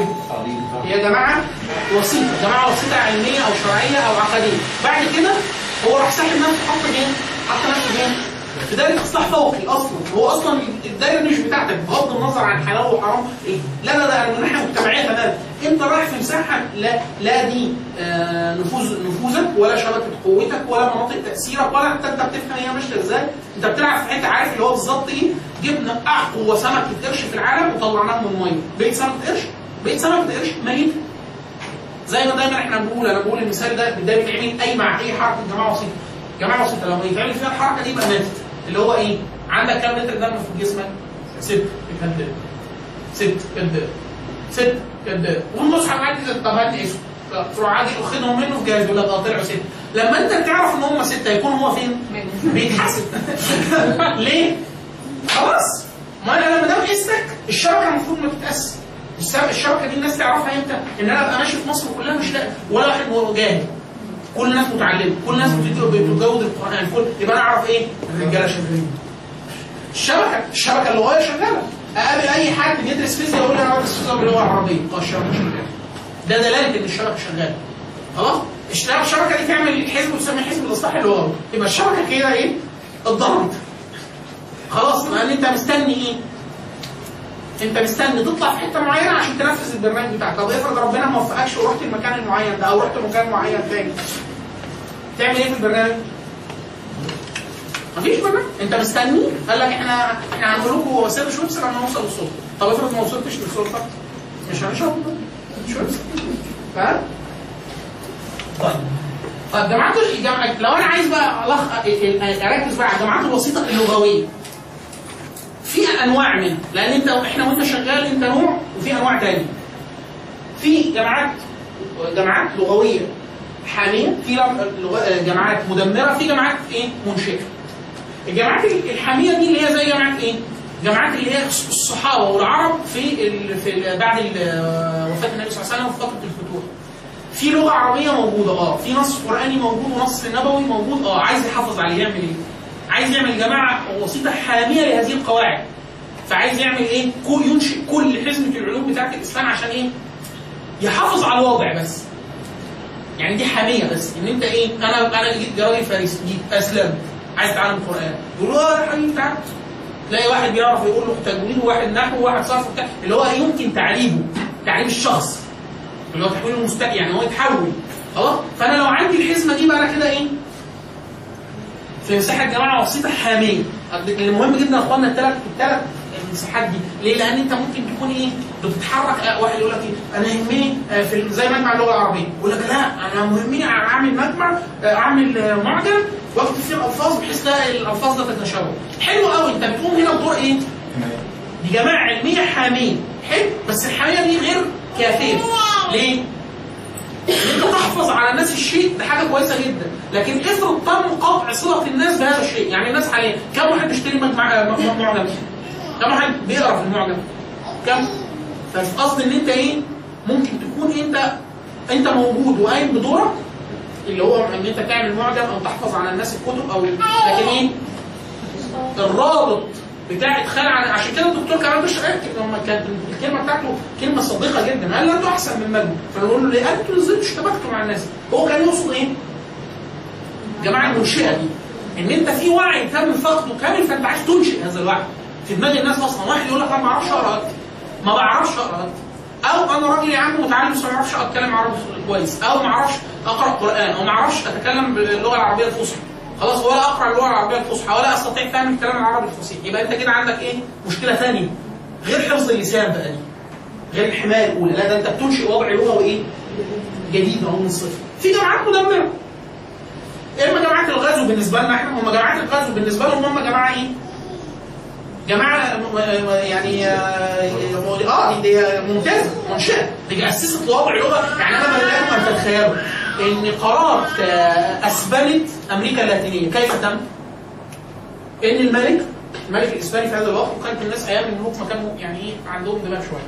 فقال لا إحنا يجب أن تتحول تنضم إلى مملكة الرب هو طبعا كان البابا البرتغال واسبانيا أول ما تحولوا لدول استعماريه راحوا للبابا اتخانقوا إحنا أنا عايز الحتة دي بقى أنا عايز بس حبايبي ما تتخانقوش راح قسم بينهم العالم.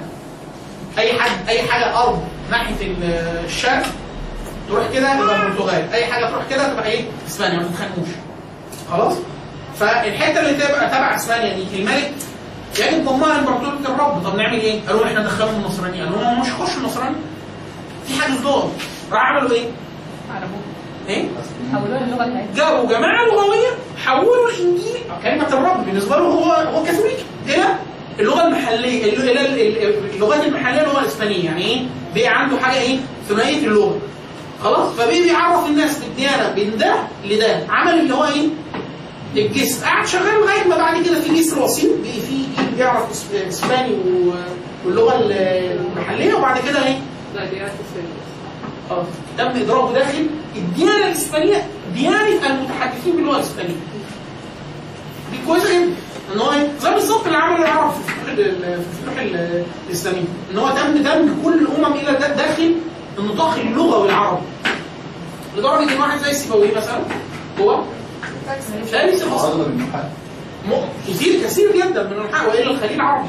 خليل المحل آه. آه لا القصد يعني إن هي في في في فكرة إن هو تم ادماجه لدرجة إن هو البيروني البيروني وهو أصلا من خوارزم كان يقول للهجو بالعربية احب الي من المدح بالفارسية. وهو هو كان يتقن العربية والفارسية والخوارزميه اللي هي اللهجة المحلية بتاعت بلده كان يتقن السنسكريتيه لغه الهند وكان بيتقن الرومين خلاص؟ والعبرانيين. كل هذه اللغات لكن هو كان بيكتب بالعربي. يعني هو سايب لنا 200 مؤلف مثلا سايب 180 منهم بالعربي. خلاص؟ فتم ده تم إدماجه بالكلية داخل إيه؟ لم تكسر هذه الحاله إلا بعد الغزو المغولي في العالم الاسلامي تم بعد ما كسر تم كسر الجامعات الوسيطة. الجامعات الوسيطة العلمية. الجوامع والحاضر. إحنا بنسميها الحاضر العلمية. الحاضر العلمية هو من كان يحفظ على الناس يحمي اللسان. جماعة العلماء والنحاة وبتاع لما كان غزو مغولي أجي اقتل الناس دي كلها واحطم الحواضر والجامعات والجوامع والمدارس هي بقى. همك دعاء يعني ما فيش حد تاني. خلاص كان سيدنا علي. يقول حد من أصحابه اسمه يقول له يا كميل احفظ عني الناس ثلاثة نفر عالم عالم رباني ومتعلم على سبيل النجاة وهمج بالعالم يعني اللي هيتبقى لك إيه؟ تمام؟ طيب فكرة فكرة ال- ال- ال- التغيير اللغوي التغيير اللغوي الاساس هو أصلا تغيير فكري يعني إيه تغيير فكري؟ يعني أنا وأنا بغير لغة واحد أو مستوى اللغوي أنا الحقيقة بعمل إيه؟ على الحقيقة على الحقيقة مستوى الفكر يعني لو واحد عايز تخليه مؤدب دايما كان الإمام الشافعي توسن يقولوا له إيه؟ يقول إيه؟ من تعلم الشعر رقى طبله يعني أول ما واحد تعلمه الشعر ابدا بقى إيه؟ يعني إيه يبدأ يبقى رقيق شوية بدل ما هو إيه؟ كده يقول لك عايز أي واحد مهندس تخليه بني آدم شوية خليه يقرأ شعر آه، روايات أدب بتاع ليه؟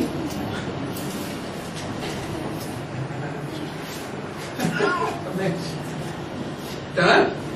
فكل كل تغيير لغة هو تغيير بال- بالأساس.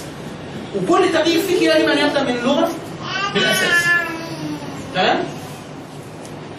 طيب افرض أنا غيرت في تفكيره تغيير تفكيره أنا بزعم بزعم إن أنت لو غيرت طريقة اللي بيفكر بيها الناس أو جزء من الطريقة اللي بيفكر بيها الناس أنت هتستطيع تغيير سلوك المجتمع الاساسي كله على بعض بالكلية. تمام؟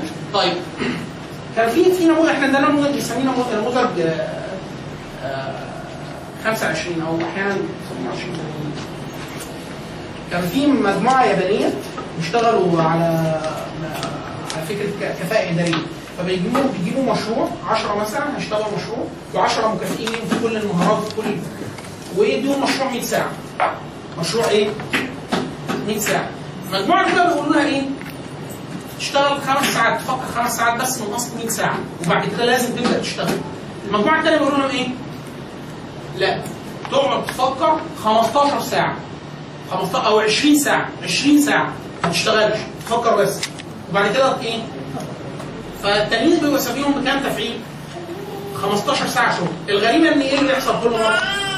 كل مرة إن اللي واخد 20 ساعة تفكير اللي بادئ متأخر 15 ساعة بيعمل إيه؟ بيخلص قبل التاني وبيبقى اكفأ منه. إيه السبب؟ إن هو خد خد مساحته في التفكير عشان كده إحنا دايما بنقول إن فكرة فكرة ان الناس تاخد وقتها في التفكير بأدوات صحيحة ده ده كافي جدا. بالتالي الف- المثال الثاني كان مثال المدفعيه الامريكيه يعني هو واحد متابع للجيش الامريكي قاعد فقط تفاجئ إن المدفعيه الأمريكية إيه؟ المدفعيه في الجيش بتتأخر في الإطلاق والجيش بيخسر دي فتره فإيه كانت إيه الاقتراحات؟ في ناس قالت إيه؟ آه، ن- نجيب مدفعيه جديده نحسن التدريب مش عارف إيه إيه, إيه الاقتراح الناجع اللي كان في واحد قال لهم إيه؟ شوفوا بس راجعوا طريقه الجنود بيفكروا إزاي بتوع المدفعيه بيتاخروا ليه؟ بس هو ده كان السؤال ال- ال- الاجابه جت إيه؟ مراجعة ال- التعليمات كتيب التعليمات فوجئ إن ال- الجنود واخدين أوامر بإن هم إيه؟ ان بعد ما يعمل آه، تنقيم للمدفعيه يستنى 10 دقائق مش عارف ليه. ليه بتستنى 10 دقائق مش عارف ليه. ليه؟ مش عارف. هو الأوامر كده اللي موجودة في الأوامر العسكرية. الراجل مع البحث فوجئ إن إيه؟ إن الجيش قديما كان فيه سلاح فرسان ففي خيول. فبعد تلقيم المدفعيه بيستنى 10 دقائق الخيول ترجع ورا عشان ما يحصلش إيه؟ هرج لما المدفعيه تنزل إيه اللي حصل؟ لغى الماده الماده لأنه ما كانش خلاص ما فيش خيول. خلاص؟ هي الفكرة في إحنا ممكن يكون في آه واحد يقول لك إحنا عايزين إصلاح تقني واحد يقول عايزين إصلاح مش عارف إيه. واحد. لو أنت بديت في الأصل باصلاح بس الجانب اللغوي والجانب الفكري إيه اللي يحصل؟ أنت هتجني الثمرة اللي أنت عايزها بشكل سهل جدا. المثال والمثال المفجر إقليم كيرلا وإيه؟ ال- حركة سوريا، حركة سوريا يعني عايز أعمل لوجو حتى ممكن يعملها ثم أحيوا اللغة خدوا فترة كده هم بنوا عليها. 40 سنة. 40 سنة عشان يمسك آه،. لا. الإحياء 81 ال ال ال- الجذور اللي هي الأصوليين بتوع اليهود في, في أوروبا ممكن يكون. لكن ال- اللغة نفسها اللغة نفسها الشغل بتاع العزم العزم من يهوذا والمجموعة بتاعته دول هو دخل فلسطين 81 هو دخل فلسطين 1881 طلع من روسيا 1877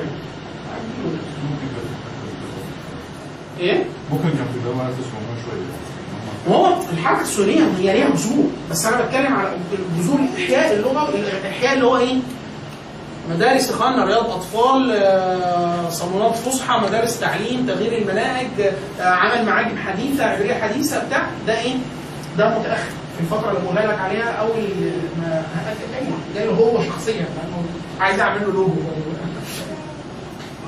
هو السؤال اللي إحنا كنا بنسأله في الأول الايه اللي هو إيه؟ الراجل بتاع اللغة ده بيشتغل إيه؟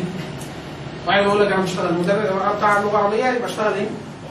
مدرس على العربية هو فعلا ده إيه؟ على فكرة التدريس ده حاجة خطيرة جدا يعني إيه سواء الأنبياء أو المبشرين أو المسلمين أو ده إيه؟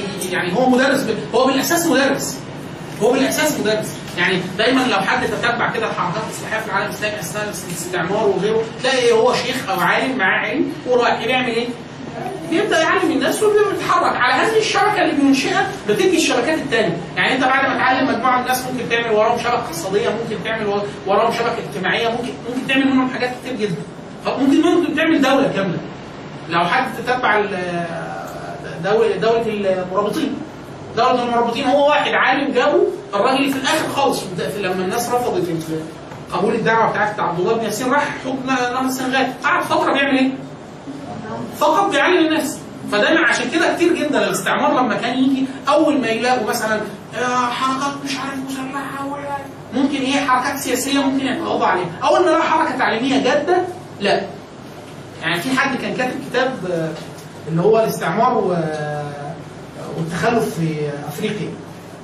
الاستعمار الأوروبي والتخلف في أفريقيا. كان طبعا ده طبعه عالم المعرفه الكويتي كان بيقول هو يساري اللي كاتب الكتاب غير مسلم وشيوعي أصلا. بس بيرصد اثر الاستعمار التخريبي على اوروبا بيقول في الجزائر أول ما يعملوا حزب سياسي ولا حركه مش عارف إيه فرنسا تاخد منها موقف مش عارف إيه بس في الآخر ينفع يتكلموا معاها أول ما جمعية النهضة والاصلاح كانت تعمل مدارس أهلية لتعليم الفتيات والاطفال لازم تتفق يقول له طب خلاص مش هنعلم أي حاجة هنعلم بس هنحفظ قران كريم ولغه يقول له طب ودول قليل ما أنتوا لو علمتوا كان كلام كده كلام الجزائريين إن لن لن يعني يستمر الحكم لفرنسا في الجزائر الا إلا باختفاء اللسان العربي. أول ما يشيل اللسان خلاص كده أنت كده ضمنت إن اللي موجود ده إيه؟ ده فرنسي. خلاص فإحنا كده مفيش مشاكل يعني فرنسا هيقول للفرنسي تمشي روح هناك ليه؟ ما إحنا كلنا مع بعض يعني مفيش حاجة. تمام؟ فهو يعني كادر اللغة وده. ممكن يشتغل إيه بقى؟ دي من الحاجات اللي ممكن يمارسها. ممكن يشتغل في البيت ممكن يشتغل تعليم صغار اللي هو رياض اطفال بتاع. ممكن يشتغل في تأسيس فكر. إزاي تأسيس فكر؟ يعني أنا دلوقتي محمد علي لما جيت آخد قرار التع... التعليم عايز أعرف إيه طب. تخيلوا عمل إيه الأول جاب دفعه من طلبه الازهر طلبه صغيرين وبتاع جاب لهم مترجمين من فرنسيه للعربية آه، شوان فالدكاتره اللي بيدرسوا فرنسي لقوا إن الطلبة استيعابها قليل. قالوا له لا مش هينفع. فقال طب إحنا تاهتوا لنا مشوا الطلبة. وبعدين؟ قال لك هات المترجمين. هم هم يدرسوا الطب أول دفعة. فهو ده إيه؟ درس طب ومعاه عربي ومعاه فرنسي. إيه اللي كده؟ بقينا كده معانا إيه؟ بس خلاص. كده أنت أسسته علميا. يعني أنا لو عايز مثلا مجموعة أنا ده في في ده, ده حقيقي اللي أنا بقوله ده موجود. مجموعة بيقولوا إحنا عايزين ندرس إيه؟ صيدلة بطريقه غير اللي بتدرس بيها في الجامعات. آه، فيزياء غير طريقه يعني عايزين نطلع من الدايرة اللي إحنا فيها. بقول له حل الموضوع سهل جدا اكتب في الورق. هتدرس إيه؟ اكتب. فيزياء اللي أنت درستها العادية. آه وإنجليزي. آه وعربي. قال إيه عربي نحو وصرف وبتاع. قال ما هو أنت كده ممكن يرجى منك خير. لأن أنت كده بتدرس فيزياء ومعاك إنجليزي أنت درست فيزياء والانجليزي كويس ومعاك عربي. لو أنت معاك فيزياء وانجليزي ومعكش قدرة لغوية لا للتعبير ولا للكتابة ولا صك المصطلحات. يعني أنت مثلا في مصطلحات كتيرة غير المصطلح معناه إيه؟ يعني لما أقول لك حاجة واحد يقول لك في الفيزياء أو في الطب أو في الصيدلة يقول لك والله دي إنجليزي بس مالهاش عربي. أنت تعرف كده في إيه؟ إن كده إيه؟ في فضيحة علمية إن في وضع المصطلح غائب. امال مين المصطلح ده يا إخوانا؟ بيصحى الصبح بيتحط لوحده. يعني هو المصطلح بيحس إن هو في حاجة نحط نفسه فيتحط ولا هو في باحث عربي أو غير انجليزي بيدرس المصطلح بيكون معاه إنجليزي كويس بيدرس الفيزياء فاهم المصطلح وبعد كده بيعمل إيه في المصطلح؟ بيسق المصطلح بالعربي فلو مش موجود ال- السقاق ده هنعمل إيه؟ ده مش مصطلح فغياب المصطلح معناه ان غياب الكادر البشري معناه غياب الكادر ده إن حد محتاجين كادر تاني يعلمه إيه؟ يعلمه أصلا عربي خلاص؟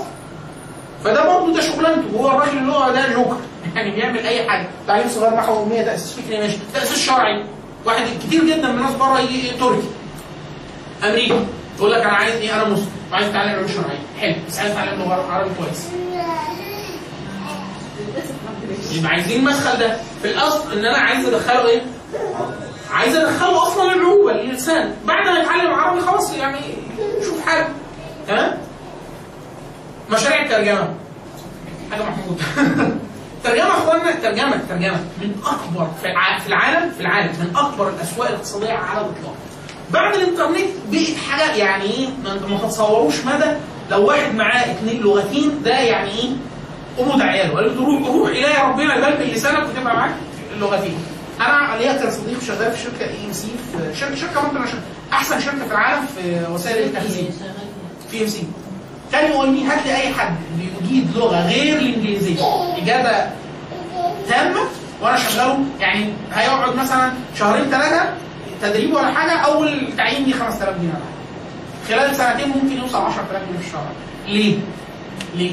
هو أصلا الشر... الشركة يقول لك سهل إن أنا أدربك على الحاجة الفنية صح؟ صعب إن أنا أخليك تتقن اللغة تتقن أنا أقول لك إيه؟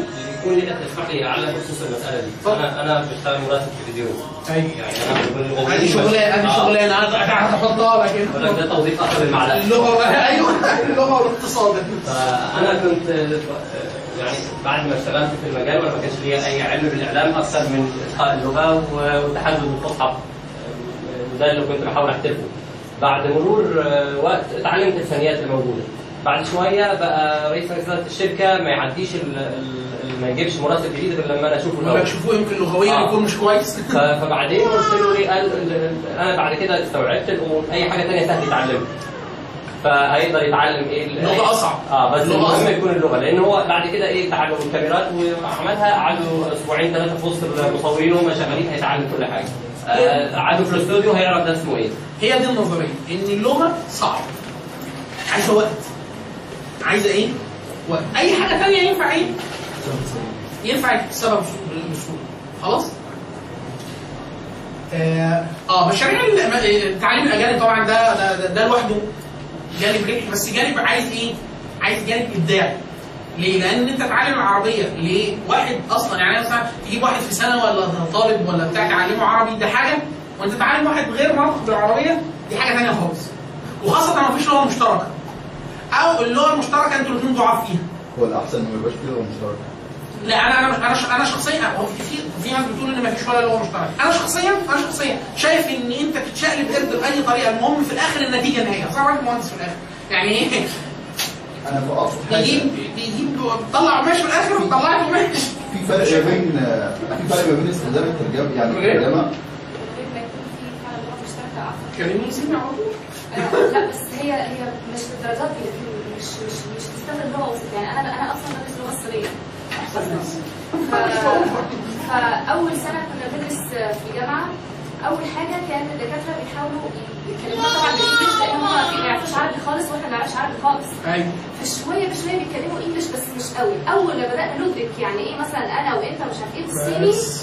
اتلغى تماما الممنوع أصلا يتكلموا معانا English حتى في الفيلم. يعني من أول سنة ثانية إحنا في الأول كنا بنقعد بنقعد ال term ال term كامل نتعلم النطق بس في الصيني. ما بنعرفش حتى لأن النطق لوحده ده جريمة كبرى. أيوه. الترم الثاني نبدأ شوية نعرف نكتب. من أول سنة ثانية اتفاجئنا إن من أول محاضرة ما كانوش حتى بيكلمونا انجلش كان كله صيني صيني كاننا بقى قرون وانت عايش بقى. فاهمين وإحنا طب كلمة واحدة طب معرفش.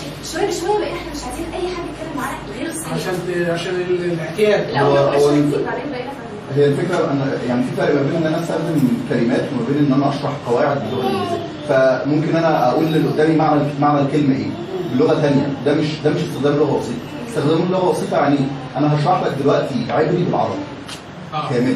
زي ما إحنا خدنا في دار علوم كده العبري ده ده حاجة اللي أنا بتكلم عليها في استخدام اللغة البسيطه لكن استخدام تكنيك آه، يعني آه، وسيلة وسيلة الترجمة ان أنا بعرفه معنى كلمة. يعني كلمة معنوية جدا مش قادر إن أنا أعمل له شكل أو أرسم له أو أجيب له كارت مش عارف أقولها له. فبقولها له بلغة لغة ثانية دي دي ترجمة. يعني دي حاجة خلاص. صح أنا أنا آسف. عايز الفكرة لا لا لا هي بس هي الفكرة لا لا هي ما هي أنا بقول لك إن هو ده جزء من إن أنت داخل فيه إن انت انت أنت معرض إن أنت تشتغل ده.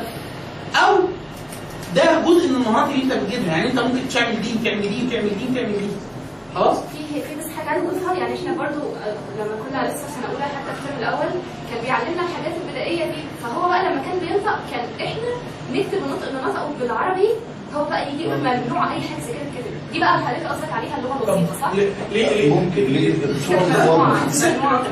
الاختصار بحبها لغايه دلوقتي أنا لو شفت طالب بيعملها بمسحه. بتقطعوا ايده لا بمسحه بخليه يشخبط على كل اللي هو بيكتبه يعني. اللي هو ان هو يعمل كونسنتريشن يعني يكتب بس هو اصل شوف انت قلت انت قلتها برسالة اهو ان في أصلا لغه عالميه للترانسليتريشن لغه عالميه يعني إيه لغه عالميه؟ ماشي ما هو كل واحد كل واحد صلاح يعني المهم ال- في ال- ال- الناحيتين ال- ال- ال- ال- ده برضه من الاستخدامات اللي هو الراجل اللغة ممكن يكتب اللغة اللي يشتغل فيها جانب اللي هو اللسانات الحاسوبية أو هندسه اللغة. أو ما يعني يخدم هذا المجال. إيه بقى الفكرة؟ إن حاليا دلوقتي حاليا دلوقتي أنا شخصيا شغال في مشروع حاجة زي كده دلوقتي. آه، جوجل عايزة مثلا تحسن خدمة الأجهزة النطق بتاعتها. إن هو أنت الجهاز تقول له أنا عايز كذا هو يكتبه على طول من غير يجي يحسنه إزاي ده؟ بيجيب 100000 جملة مسموعة صوتية من متحدثين أصليين باللغة. يعني مثلا مصري سعودي بتاع ويسجله وعايز حد عربي يكتب الجمل بحيث يبقى عنده هو 100000 جملة مكتوبة. يعملهم ترانسكريبشن ده كتابة اللي هي إيه؟ كتابة كل حرف مكتوب وايه تشكيله ومش عارف إيه. طريقة ثانية وبعد كده تخش الجهاز. الجهاز بقى يتعرف على الاصوات أحسن. خلاص؟ ده شغلانة. ده من ناحية إيه؟ من ناحيه إيه دي المهارات اللي ممكن مهاراتك اللغويه تسكن فيها المشترك في اللي أنا بقوله ده كله يا أخوانا هو إيه؟ الجانب إيه؟ اللغة الجانب اتفضل عندي تحفظ كبير على- كل مشاريع هندسة اللغة تحفظ من ناحية ما حاولتش إن أنا آخد أي دورة أو كورس فيها ليه؟ ليه بقى؟ لأن ال- الفكرة بتاعتها آه، يعني الميزة اللي فيها إن هي بتقلل الخطا وممكن بتنشر الفكرة. بس ده على حساب إيه؟ على حسابك أنت. اللي هو أنا مين؟ إن أنت مستخدم اللغة. بمعنى برضه إزاي؟ آه، ما بتخلكش تفكر. مستواك أنت بينزل يعني أنت بتعتمد على الآلة. تمام. بتستخدم مخك انت تمام. يعني اللي انت بتقوله ده ده صحيح من الناحية الفلسفية. بمعنى يعني إيه اخطر حاليا طبعا حاليا في كلام ان اللغة الإنجليزية مهدده بالانقراض عارفين كده؟ الإنجليزية؟ آه الإنجليزية. إيه اشمعنى؟ لا ده انقراض إيه السبب؟ في خطرين كبار جدا. واحد الهند. الكتل أكبر كتلة متحدثة بالإنجليزية هي الهند. فالفكرة في إيه؟ إن هم ممكن يعملوا خلاص يعني الأمريكان دلوقتي الانجليز هيموتوا من الغزو اللي عملوه الأمريكان في الإنجليزي. الأمريكان عملوا إيه في الإنجليزي؟ أمريكو. أمريكا بهدلوا حتى الانجليز البريطانيين لما يحبوا يغزوا الأمريكان أو يغزونا إحنا يعني كمتحدثين يقول لك إيه يقول لك إيه American language مش accent ليه؟ يقول لك لا دي لغة جديدة. خلاص ما اللي أنتوا بتقولوه ده مش مش إنجليزي. خلاص فالكتل اللي هو الكتل المتحدثة بالإنجليزية من غير المتحدثين الأصليين وجوجل ليه؟ جوجل في جيل كامل هيطلع حاليا من المتحدثين الأصليين باللغة بيكتب إيه؟ بيكتب الكلمة يعني مثلا عايز أتكلم باور أروح كاتب إيه؟ بي أو أروح أروح جايبه أيوه هي فين؟ فأنا مش ذهنيا اللي أنت بتقوله إن أنا بعد فترة زي إحنا بالنسبة لنا إحنا بالنسبة للأبهات الآلة الحاسبة إحنا في الامتحان بنضرب ثلاثة مرات يمكن تطلع غلط يكون الجدول غير اتغير ولا أنت بت- بتتأكد. أنا عارف أنا عارف إحنا اصل أنا لحقت هو البعد 8 ب 16 أيوه بتكتبها ليه؟ ليه؟ أنا حضرت والدي بيقول لي مثلا زمان في جيلهم هم كان في ناس حافظه جدول 100 100 أنا أنا كنت ما أنا برضه يعني لو إحنا كنا حافظين جدول يبقى أنا آخر الاعداد 12 هو في الكلام اتغير الحساب حافظ جدول 100 يعني تقول له 32 في 48 أي حاجة جوه 100 عارفها خلاص جدول اللوغاريتمات جداول اللوغاريتمات جداول اللوغاريتمات كان في ناس حافظاها والله العظيم. خلاص؟ ليه؟ ليه؟ اللي هو أخونا بيتكلم ان هو إن أنت ما دام ما فيش حد هيعمل لك ده فأنت بتعمله بنفسك. خلاص؟ ما دام في حد بيعملوه أنا حاليا من ليا فترة طويلة جدا أي حد مخرج ليا يعرف الحكاية دي. أو وأنا باجي أكتب يقول لك إيه ركز ورا أيمن يعني شوفوا بيقول إيه. لأن كتير جدا. بكتب كلام غلط وبكتبه بنسى الكلمة بتتكتب إزاي. يعني أقف. إيه؟ اللي هو مش مش مش الاملا نفسها. ولا الاملا فيها مشاكل لكن لا لا. الكتابه إيه السبب؟ الدليل قدامنا على فكرة. أنا إيه؟ مش عارف انت الدليل قدامنا. لا لا لا بس الهند واضحه لا لا جوجل مش مفيد الجي أو بس. خلاص. الفكرة في إيه؟ إن أنا ليا مثلا أكتر من 10 سنين بكتب بس على ال keyboard. بكتب بس. فأنا أصلا ايدي نفسها مش خلاص أنا ما بقتش بكتب قوي في جيل بعد كده مش مش مش هيكتب على ال keyboard أصلا. وهم مش هيتكلم يعني حتى بعض الناس آه، يقول لك إيه؟ سين عين ف إيه؟ يرد عليه يقول له عين دي لا سلام عليكم. جاي. لسه خلاص. لكن ده ده من ناحية إيه؟ من ناحية إيه؟ من ناحية الخطر لكن من ناحية النفع من ناحية النفع هو ليه واجب؟ اللي هي فكرة خطوط ليه ليه اللغة؟ ليه ليه نخلي الآلة هي اللي تتعامل مع النصوص؟ إن أنت دلوقتي إيه أنت عملت بحث جوه مثلا محرك بحث وطلع لك مليون صفحة كده أنت مبسوط؟ مليون صفحة طيب أنا عايز أنا عايز في الآخر أعمل إيه؟ يعني أنا في الآخر عايز أولد إيه؟ عايز أولد معرفة. طب أنا عايز أبحث جوه كم كبير جدا أنا جبت الأول كم كبير جدا من البيانات حولتها لمعلومات. المعلومات عايز أحولها لمعرفة، عايز أطلع منها بمعرفة. فلو أنا عندي مثلا مليون وثيقة المليون وثيقة دول أعمل إيه؟ أعمل فيهم إيه؟ يعني لازم ما تتخيلوا حاليا لو أي واحد شرعي وعنده مثلا مكتبة الشامله وعنده مثلا 150 150 كتاب تفسير مطابق للموضوع خلاص وعايز يعمل بحث عن حاجة معينة البحث ده لو واحد عمل عمله يدوي مفيش نص مخزن على الكمبيوتر هيحصل إيه؟ هيستهلك وقت وقت وما تعرفش ممكن يلاقي ولا مش التاني ممكن يبقى يدور في 20000 أو 30000 كتاب في دي. ده ده ده ده, ده, ده الجانب الأسهل جانب في جانب التعامل الآلي مع النصوص غير حاجة في حاجات ثانية لا خلاص؟ لا قول لي لا قول لي يعني المثل اللي حضرتك قلته ده يتطلب مهارة بحث ولا يتطلب هندسة لغة؟ خلاص مهارة بحث ولا هندسة هو انت مش ممكن يكون النص وصل لك كده إلا لو تم هندسته. يعني إيه تم هندسته؟ يعني تح- تحوله لشكل آلي. ده أبسط صورة. أبسط صورة فقط إن هو يتحول لنص آه، آلي. إن أنت تعرف تدور جواه. ده أبسط صورة. شغل typing وشوية شغل إخراج. أيوه حلو. إحنا ده ده ما بقول لك ده أقل درجة. أقل درجة. أعلى درجة؟ آه. أعلى درجة إن أنت عايز مثلا إحنا بنسميه اللي هو TTS عندك واحد أعمى عايز يقرأ. النصوص كل النصوص اللي بتتنشر عايز يقراها مش معنى انت بتقرا وهو ما يقراش. فإحنا بنعمل له حاجة اسمها سكانر بس السكانر دي بتعمل إيه؟ تعمل TTS أي نص عربي قراه ما قراهوش نص نازل جديد تحطه على السكانر يقرأه بصوت بشري مريح للأذن قرايه ناعمه يعني إيه؟ أول ما تحط قدامه النص يقرأه. هو في الأصل إحنا بنجيب قارئ متقن اللي يعمل كده. عايز تختار عايز تختاري صوت بنت عايز تختاري صوت ولد عايز تختار صوت خفيف. صوت إيه؟ مش صوت عالي يعني. لا ما هو في في ده في ده. بس إحنا بنعمل له tuning يعني بحيث يبقى إيه؟ يتنعم. عشان تبقى حاسس إن هو بني آدم. ده اللي هو ال OCR عكس ال TT ده ده TS آه لا ال OC الثاني ال OCR اللي هو عكس ال OCR أو ال OCR عكس ال TT optical character recognition اللي هو تعرف البصر على الحروف. إن أنت إيه؟ عندي آه، ك- ك- كتاب. هو ورق وأنا عايز ابحث جواه. عندي 100000 كتاب عايز ابحث جواه. اعمل إيه؟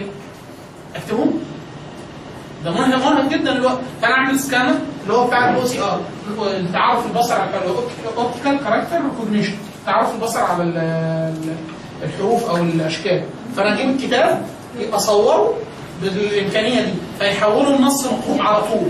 يحولوا النص Word يحول لي كل النصوص ل Word وأنا ابحث ده استخدام تاني. الاستخدام الثالث اللي هو إيه؟ اللي هو إحنا بنسميه العكس speech to text إن أنا أتكلم من صوت لكتابة. إن أنا أنا دلوقتي بدي المحاضرة دي. عايز أبيضها بعد كده أشوف أنا قلته إيه. أخلي حد يكتب ورايا ولا أنا أعمل جهاز؟ أنا وأنا بتكلم كده هو بيسجل بعد ما أخلص المحاضرة اخد ورق. إن أنا آه، يكتب اللي ورايا ده إحنا بنسميه اللي هو speech to text أو التح- التح- التحويل من صوتي إلى مكتوب. خلاص؟ إيه؟ بس على حسب اللغة الإنجليزي كويس. IBM كويس آه، 12 مثلا كويس. IBM ViaVoice 12 ما في الإنجليزي معقول لكن في العربي آه، ضعيف. ما زال ضعيف. ال OCR في العربي فيه حاجات كويسة بس غالية. تمام؟ فدي ده ده كل ده كل اللي أنا بقوله ده مضمن جوه تقنيات غير الحاجة ثانية بس ده إحنا جايين جوه الدورة نفسها. اللي هو فكرة إيه؟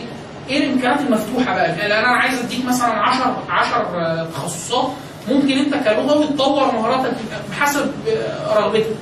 إيه اللي ممكن توصله في في, الوضع الحالي المعاصر اللي إحنا عليه؟ معاك مهارة لغوية ممكن تضيف عليها إيه؟ اللي هو إيه؟ دار علوم زائد لغة يبقى إيه؟ مش عارف دار علوم زائد لغة ثانية زائد متركب زائد مهارة آه، مهارة software أو programming تبقى إيه؟ في كميه حاجات مهولة مفتوحة قدامك. أي حد لغوي أو أي حد بيتقن أي مهارة لغوية. ده شيء مش ده حاجة مفتوحة يعني. أه؟ فده ده ده, ده دي دول ثلاث أو أربع أمثلة بساط جدا على فكرة. يعني في حاجات أعقد من كده. في حاجات أعقد من كده كمان بكتير. زي حاجة زي إحنا بنسميها الويب اللي إحنا بنستخدمه ده ويب 2 يعني الإنترنت اللي أنت بتستخدمه ده ويب 2 يعني إيه؟ بت- بتادي المحرك البحثي أهو بيطلع تكتب كلمة هنا تكست بيدور على الكلمة اللي أنت بتكتبها. في شوية تحسينات وبتاع بس هو بيدور على الكلمة. خلاص؟ طيب أنت بتدور على مفهوم يعني أنت بتدور على مع- معنى معين. قضية بحثية. أنت عايزه هو يدور لك ويجيب لك ده موجود فين. حتى لو كان ما فيش ولا كلمة من اللي أنت بتدور عليه جوه الصفحة. يعملها إزاي دي؟ اللي هو إحنا بنسميه إيه؟ مفاهيم أو دلالات. ما هو اسمها دي كلها. أو الويب الدلالي تسميه كده الويب الدلالي اللي هو ويب 3 ده أنت بتكتب إيه؟ بيدور أصلا بالمعنى. بالمعنى. طبعا ده ليه أو أربع أو خمس لغات برمجة مختلفين عن اللغات المعروفة. يعني هو بدأ بار تي اف اس ار تي اف بعد كده ار تي اف اس بعد كده أو ام بعد كده أو دبليو ال دي اللي إحنا شغالين بيها حاليا. OWL web ontology language أو ontology web language دي اللي إحنا إزاي تعمل بيها صفحات الانترنت بحيث تدور على حاجة هو اللي هو يعني هو المحرك نفسه يفهم إيه اللي جوه الصفحه ويجيب لك اللي انت بتدور عليه معناه. خلاص؟ طب ليه السبب؟ إن أنا لما أطلع على حاجة في جوجل ويطلع لي مليون صفحة أنا كده اتبسطت؟ ما مش عارف أدور غير في أول 10 صفحات 20 صفحة 100 صفحة. وطب الباقي فأنت كده معاك واحد يقول لك إيه عايز تدور على حاجة؟ أه دخلها في مكتبة فيها مليون كتاب يقول لك اقرأه. أنا مش كده مش مبسوط ولا حاجة. أنا عايزه لا هو يدور ويجيب لي بنفس سرعه البحث بتاعه وأنا بعد كده اعالج البيانات ذهنيا. أو أشوف أنا عايز منها إيه. ده استخدام. إن كان ده اختارهم على الإطلاق يعني. هو يعني ال branch ين دول أفتكرهم عشان إحنا هنجي لهم بعد كده. اللي هو ال- الويب الدلالي ده وهندسه الانتولوجيات أو ontological engineering ال ontology ده اللي هو إيه إحنا وإحنا بندور إزاي بنعرف إن الحاجة هي الحاجة اللي إحنا بندور عليها؟ إحنا كبني آدمين. ان إحنا كل حاجة عندنا ليها تعريف انتولوجي ontology يعني كلمة ontology يعني وجودي في الفلسفة. يعني أنا بقول إيه عربية. إحنا ليه في. إحنا في البلد إحنا كبني آدمين؟ ليه بنقول؟ لما نقول كده آه إزاي تدخل آه فيل فيلين جوه خرم إبرة من غير ما يلمسوا بعض؟ نقطه مشهوره دي إحنا بنسميها النكات هي افكار على فكرة اخوان حاجة خدوها كده وبعد كده ودوروا وراك النكت معظمها معظمها النكت والفوازير هي أصلا منطق. بس منطق مصاب بشكل هزلي. اللي إحنا بنسميها المغلطات المنطقية. فاحنا النكتة بإيه؟ ردها إيه؟ الرد الهزلي. لو انت عايز تدخل فيلين جوه خرم إبرة من غير ما يلمسوا بعض بتحط فيل ثالث وسطهم. عشان ما يلمسوش بعض. خلاص؟ فهي النكتة أصلا قائمة على متناقضه منطقيا ان هو الفيلم مش هيعدي انت ليه بقى لما بتتقلق بتضحك؟ وبتقعد أصلا بتقعد تفكر. يعني بقول لك دخل إيه ما تقولوش ليه؟ انت بتفكر وانت عارف ان هي غلط بس تفكر وبعد كده اول ما أقول لك ليه بقى بتضحك؟ لأن انت بتعمل إيه؟ النكتة ليه بتضحك؟ اللي أنا هقوله ده الكم... إحنا بنعمله مع الكمبيوتر. هو رخم بس هو ده اللي الكمبيوتر بنعمله. بنقول إيه؟ دي إبرة. كلمه إبرة بقى دي بنعمل لها حاجة اسمها انتولوجي يعني تعريف وجودي. إبرة نعمل كده. هي إيه؟ شيء. اثنين معدني. ثلاثة دقيق. أربعة أبعاده لا تزيد عن كذا كذا. كل التسجيلات اللي بتخليك أنت كبني آدم أنا أول ما أقول لك أنت ده دي إبرة. فأنت بتفهم إن إبرة دي حاجة مكتوبة ومعدن ومش عارف إيه ومغناطيس ولو دورت عليها مغناطيس كل الحاجات دي بتيجي في ذهنك. إيه أول الحاجات اللي بتيجي في ذهنك دي؟ بسبب تعريف الانتولوجيا خلاص؟ الكمبيوتر عشان أخليه شبه فضيلتك نعمل إيه؟ فنحط له كمية اللي هو بيسموه المعجم الانتولوجي اللي هو كل حاجة متعرفة التعريف المنطقي بتاعها. شوية branch ات كتير جدا. لدرجة إن أنا لما أقول له إيه بقى؟ كاميرا. فهو يعرف إن الكاميرا دي أنواع وفيها digital وفيها يدوي وفكرتها قائمة عليها إيه وان هي مكونه من جواها من عدسات ومواد ومش عارف وافلام كل ده موجود أول ما أقول له عدسة. كاميرا. فهو بيدور في الويب على كاميرا. هو كلمة كاميرا هي المكتوبه في المحرك. تحت الكاميرا في التعريف الانتولوجي إيه؟ عدسات وانواعها والشركات الكبرى وبتاع. فالصفحات اللي فيها معلومات تهمني وما فيهاش كلمة كاميرا هيجيبها؟ ده ده جزء من التقنيات تقنية ال smart code دي أو الويب ده مبنية أصلا على هندسة الانتولوجيا كل ما تعمل انتولوجيا أحسن أو أسهل كل ما إيه؟ يعمل لك إيه؟ شبكة أحسن. تمام؟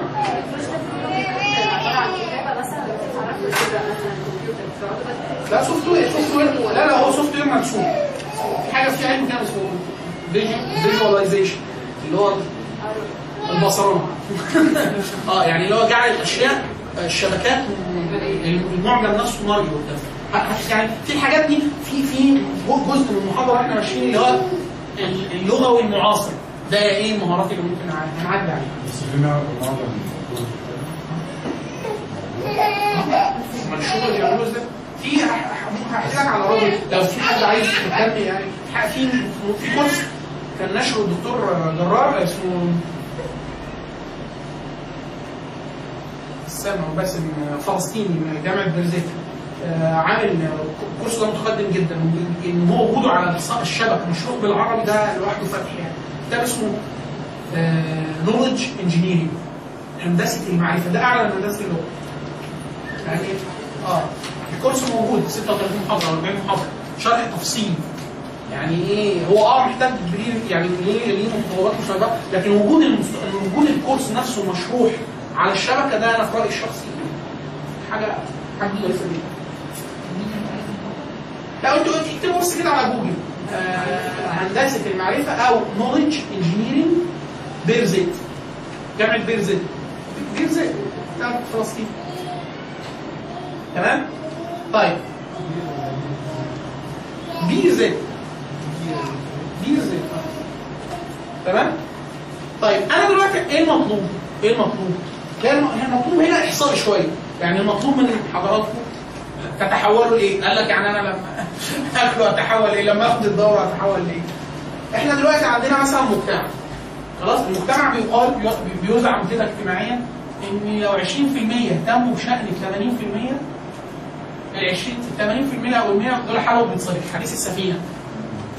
مثلا القائم الواقع في حدود الله والقائم القائم. ده على حدود الله 80 دول.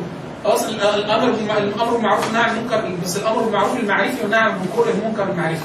المعروف الثقافي والنهي عن المنكر الثقافي. تمام؟ ال 20 دول المفروض يعملوا إيه؟ يشكلوا الشبكة كافية العدد لرفع الجهالة اللغوية بشكل أساسي عن المجتمع. يعني إيه؟ أنا عندي مجتمع 100 مليون. الجهالة اللغوية هنا محو الاميه ولا لغه لا ده كذا مستوى. واحد يعني أنا مثلا هنا في مصر عندي 60% ما أعرفش يقرا ويكتب 60% يعني أنا عندي كام مليون؟ 60 مليون ما يعرفش ويكتب تقريبا خلاص يبقى أنا عايز إيه؟ 60 مليون دول كل كام يعلمهم واحد؟ خمسة عشرة يعني إيه؟ هيطلع هتطلع شبكة شبكة ما يا إما زي ما قلت كده 6 مليون يا اما يا اما يا إما أعلمه آه بس. اللي هي المتواليه المتواليه إن أنا إيه؟ مجموعة كده. يطلع مش عارف إيه تحت هنا. 20 بس. ال 20 دول كل واحد فيهم عليه 20 200 متوالي. لا لا لا. دايما يقولوا إيه؟ لو في حد اتقتل في وسط الليل. وسط الليل. وواحد عرف وقال لي اثنين وكل واحد عرف قال لي اثنين الكرة الارضيه بس نفس المتواليه كل ما يعرف يقول لي اثنين كل ما يعرف على طول يقول لي اثنين فلان اتقتل فلان اتقتل قبل ما تشرق الشمس. الكرة الأرضية كلها تكون عرفت خلاص؟ وده أصلا مبدأ اللي هو إيه؟ البلاغ أو الرسل. اللي هو إيه؟ هو بقى النبي صلى الله عليه وسلم. بعث وتوفي طيب الإسلام لم يتجاوز الجزيرة العربية. طب مين اللي نشر الإسلام ده؟ الصحابه ده بيطلع حر بيعلم الناس. وده بيعلم الناس. وده بيعلم بيعلم الناس. وهكذا لغاية ما إيه؟ يحفظ العلم على الناس. طب متى يقبض العلم بقى؟ بقبض إيه؟ العلماء نفسهم. اللي هو منشئ الشبكة ده لو ما فيش منشئ الشبكة ده موجود في إيه؟ يبقى الناس على حالهم ومحدش يدرك إن حاله ده وحش. هو مفيش عالم. خلاص. محدش يامر بمعروف لغوي ولا ينهى عن منكر إيه؟ لغوي خلاص. الشبكة المتواليه دي دي عايزة تتحسب ودي يسهل حسابها إحنا ممكن نجيب التجربة مثلا بتاعت صناع حياه مع أمية مثلا 95000 واحد في سنة بكام متطوع؟ بحيث تبقى عارف انت الشبكة اللي انت عايز تعملها قد إيه نوعيتها ومستواها ان انت عايز شبكة تشتغل على محور الاميه شبكة ثانية تشتغل على الاطفال شبكة ثانية بتتكلم على إيه؟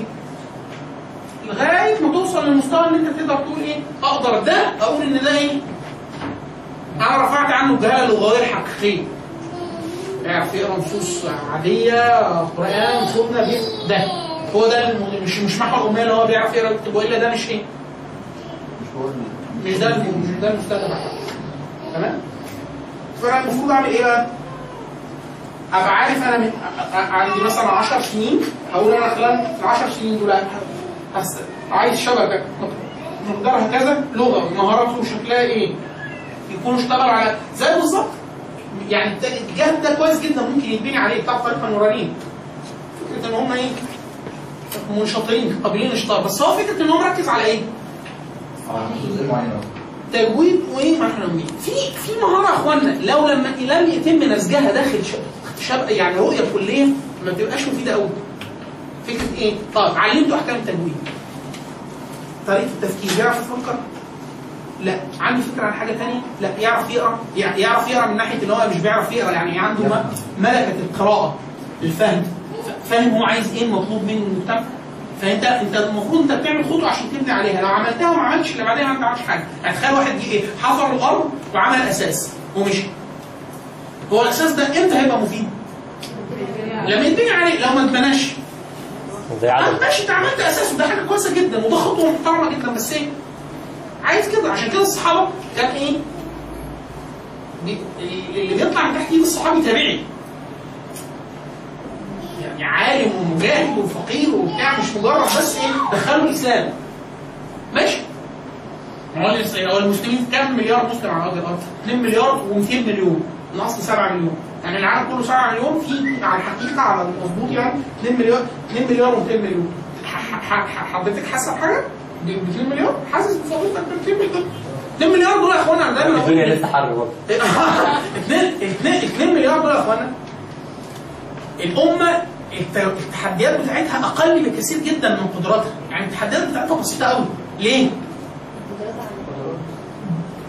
مقدرات وعدد ضخم جدا. بالحركه الصهيونيه ضد الاسلام ضد المسلمين ضد أوروبا ضد اليهود. ربنا غضبان ربنا غضبان عليهم. يعني ربنا سخط عليهم. هم بيتحركوا في سخط الله. والغريب إن هو إيه؟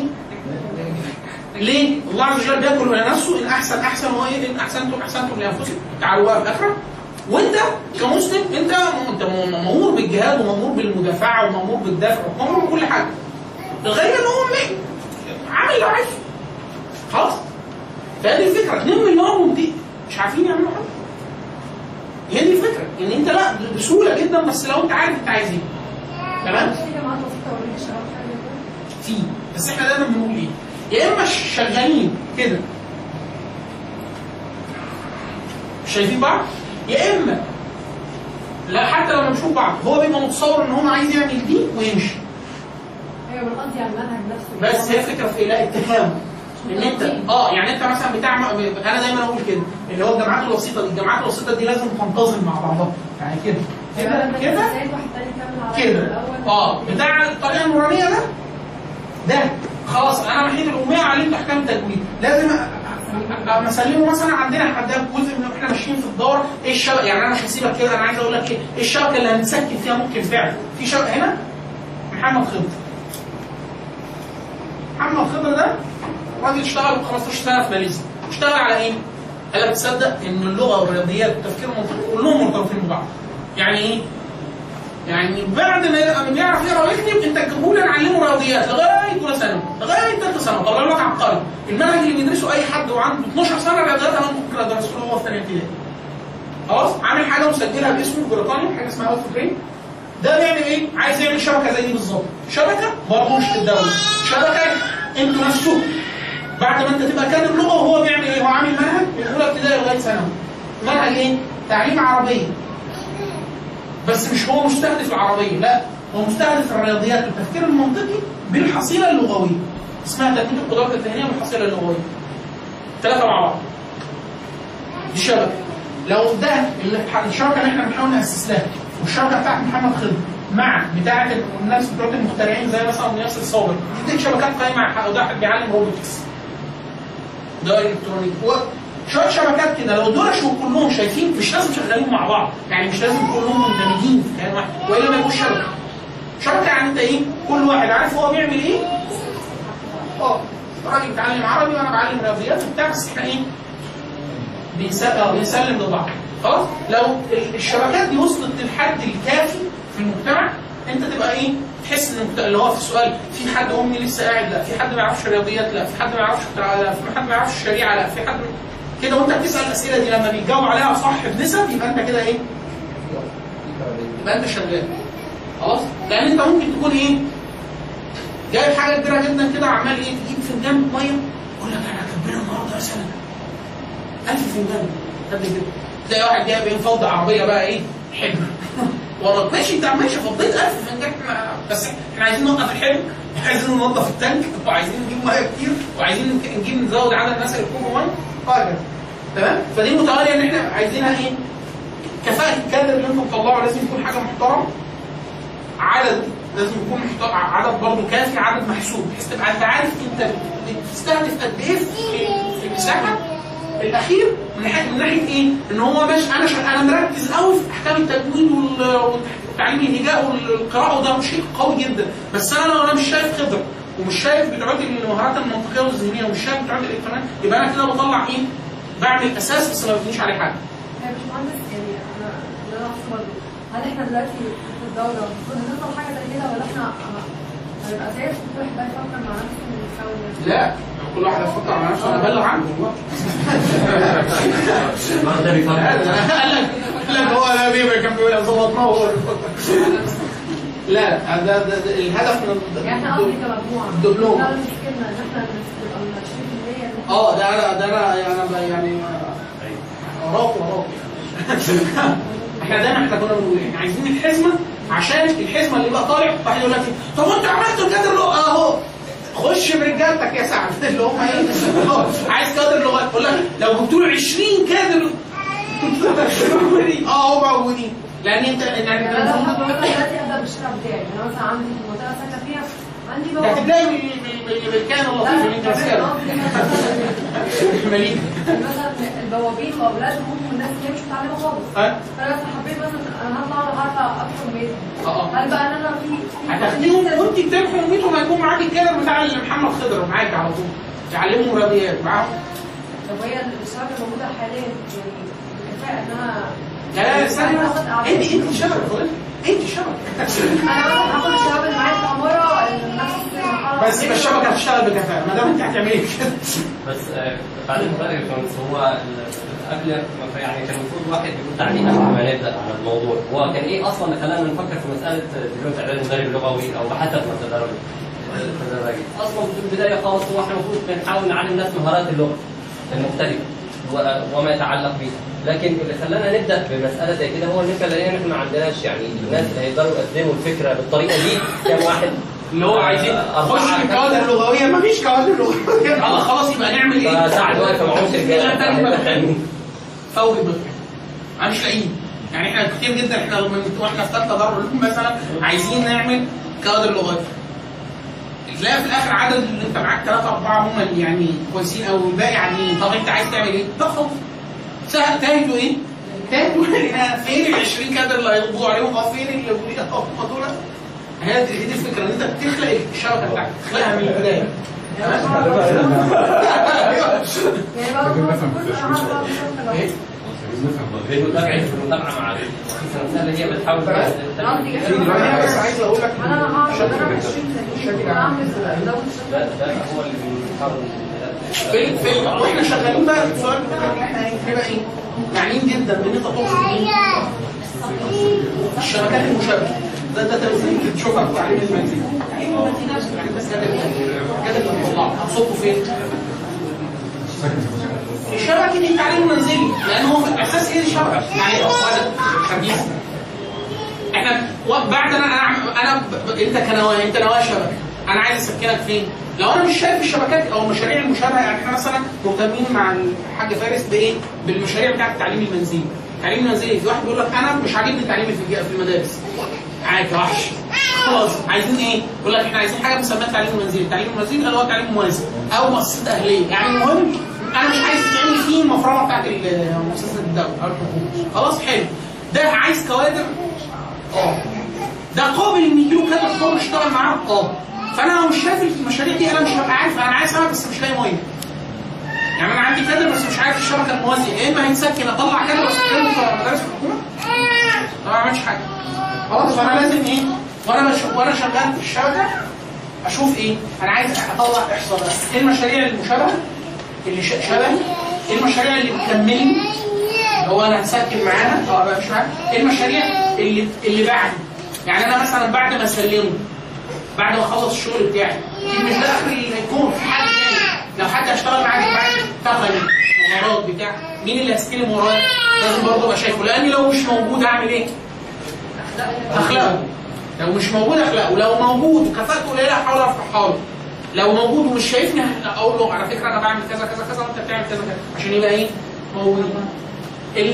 أشوف إيه المشاريع اللي بتضعف أثري.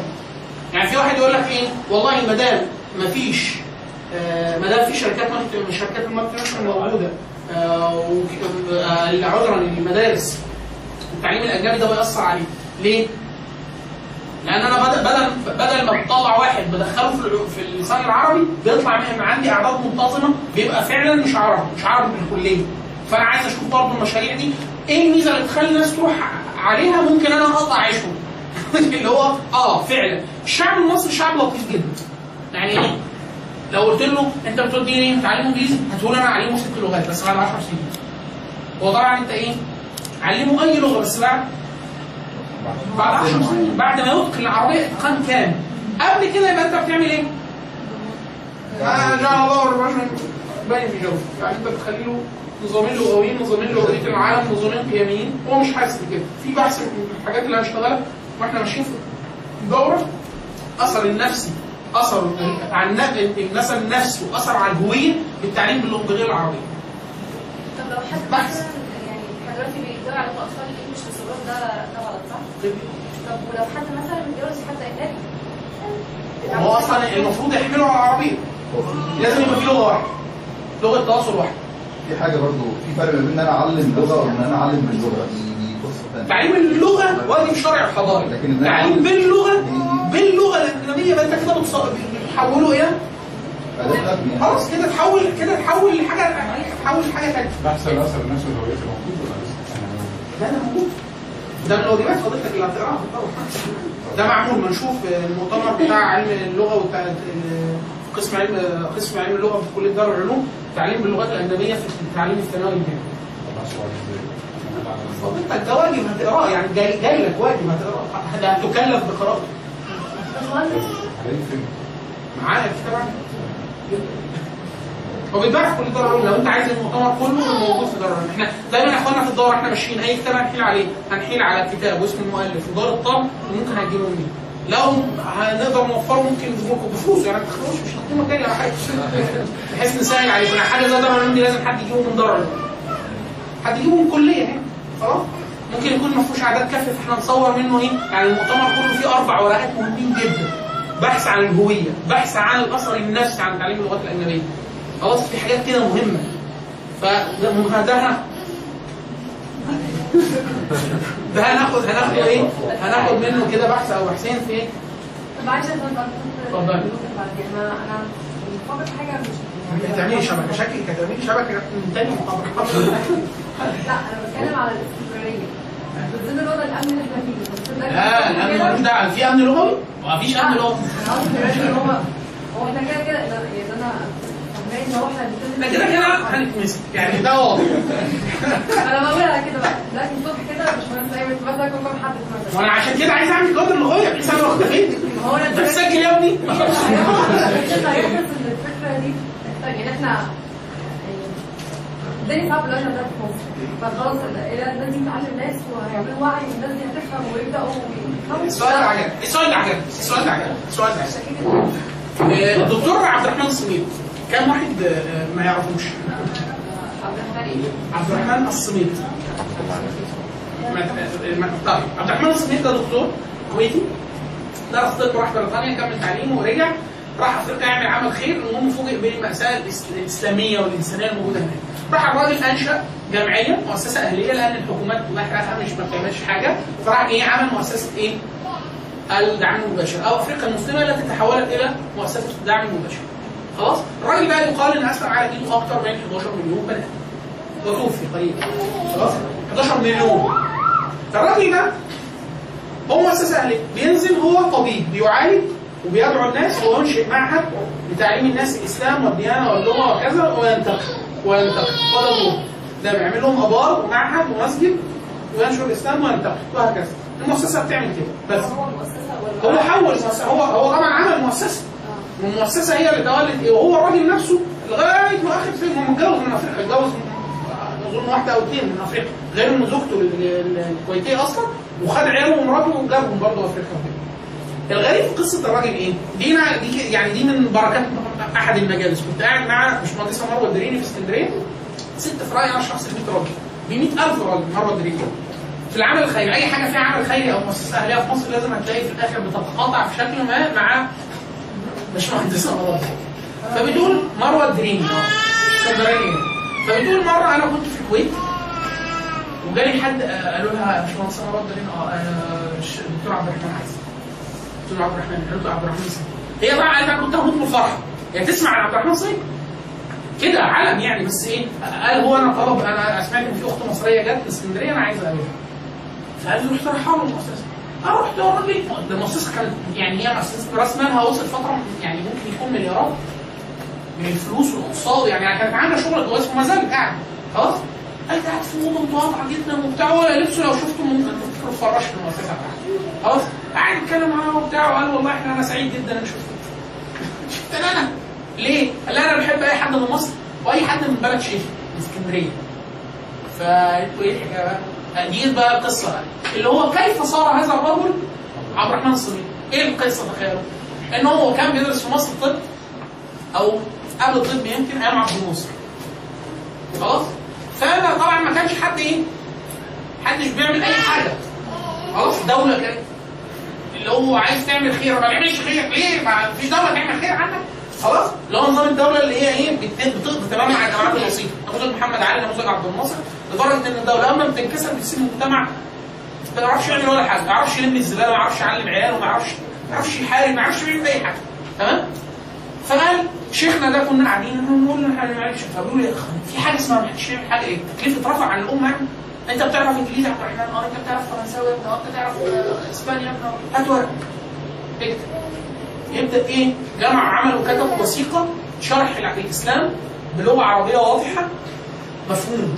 الإسلام إيه؟ هو دين الله عز وجل. إيه المطلوب إيه عايز إيه رب- العزة ماذا يريد من الناس؟ كده. بعد كده تعرف إنجليزي آه ترجمة؟ تعرف إسباني آه ترجمة؟ بعد كده يبدأوا مراسلات عشوائية مع الجاليات ال- في فرنسا. قال أسلم. كمية ناس في المراسلات. قال له إيه؟ مين قال لك إن أنت مش مكلف؟ مين قال لك إن أنت ما فيش حاجة تعملها؟ في حاجة تعملها؟ أهو. قال هذا الرجل زرع فيها فكرة حب الخير المتعدي. ان هو انت أنت فرد من الأمة. الأمة دي كتير قوي الأرض دي كلها متعبد انت انت أنت متعبد الله عز وجل بالدعوه يعني هو مين نبي الأمريكان؟ هو النبي صلى الله عليه وسلم. مين نبي الاسلام؟ مين؟ أي واحد على ارض الأرض دي النبي صلى الله عليه وسلم. طب هو ما شافش النبي؟ لازم القرآن يوصل له طب القرآن هيوصل له إزاي من غير فضيلتك؟ فلازم حد يقول له. حد يعلمه عربي حد يقول له إن في إسلام أصلا. يعني في بنت كانت بتصور عن سياسية مرة في مؤتمر من المؤتمرات فبتقول أنا كنت في كوستاريكا. وبتكلم مع حد وبتاع يعني شعرها وكده. فمح- يعني إيه ما ما هناك ما يعني مش هتبان مميزة بحد يقول لها دينك إيه أو كده فجات الكلام فبتقول أنا كذا مسلمة. مسلمة؟ يا اخوانا في إيه؟ هو المسلمين هنا بيتلموا برضه ولا فقالوا لها بس بس مش شكلك عادية يعني. مش سامعين على الاسلام يا اخوانا لا مش أنتوا بتذبحوا خرفان في اوقات معينه السنة بتشربوا الدم بتاعها مين قال لكم الكلام ده؟ والله إحنا مش ده الدين جديد هو ليه كام سنة في الأرض الدين ده؟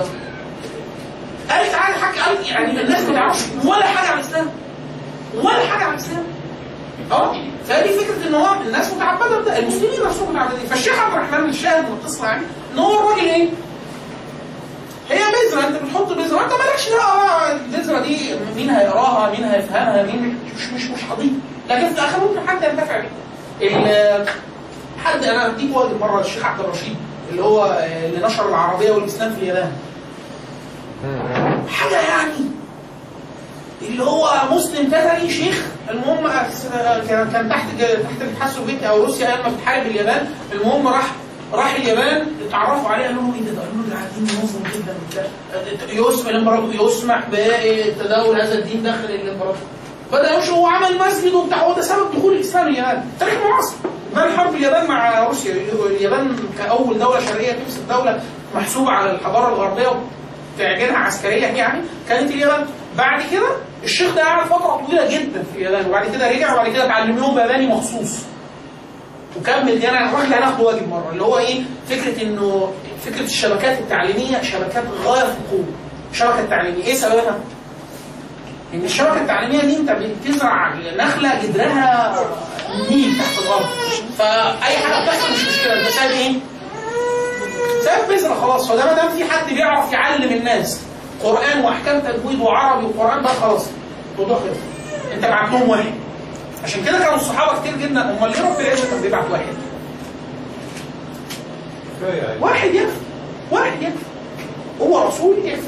لو هم يهود يبعت لهم اثنين أو ثلاثة. آه كان اليهود بيبعت لهم أحيانا واحد واثنين وثلاثة في اليوم. في اليوم آه كانوا كانوا بيقتلوا. صحيح لا لا هو فعلا. مش في سورة ياسين؟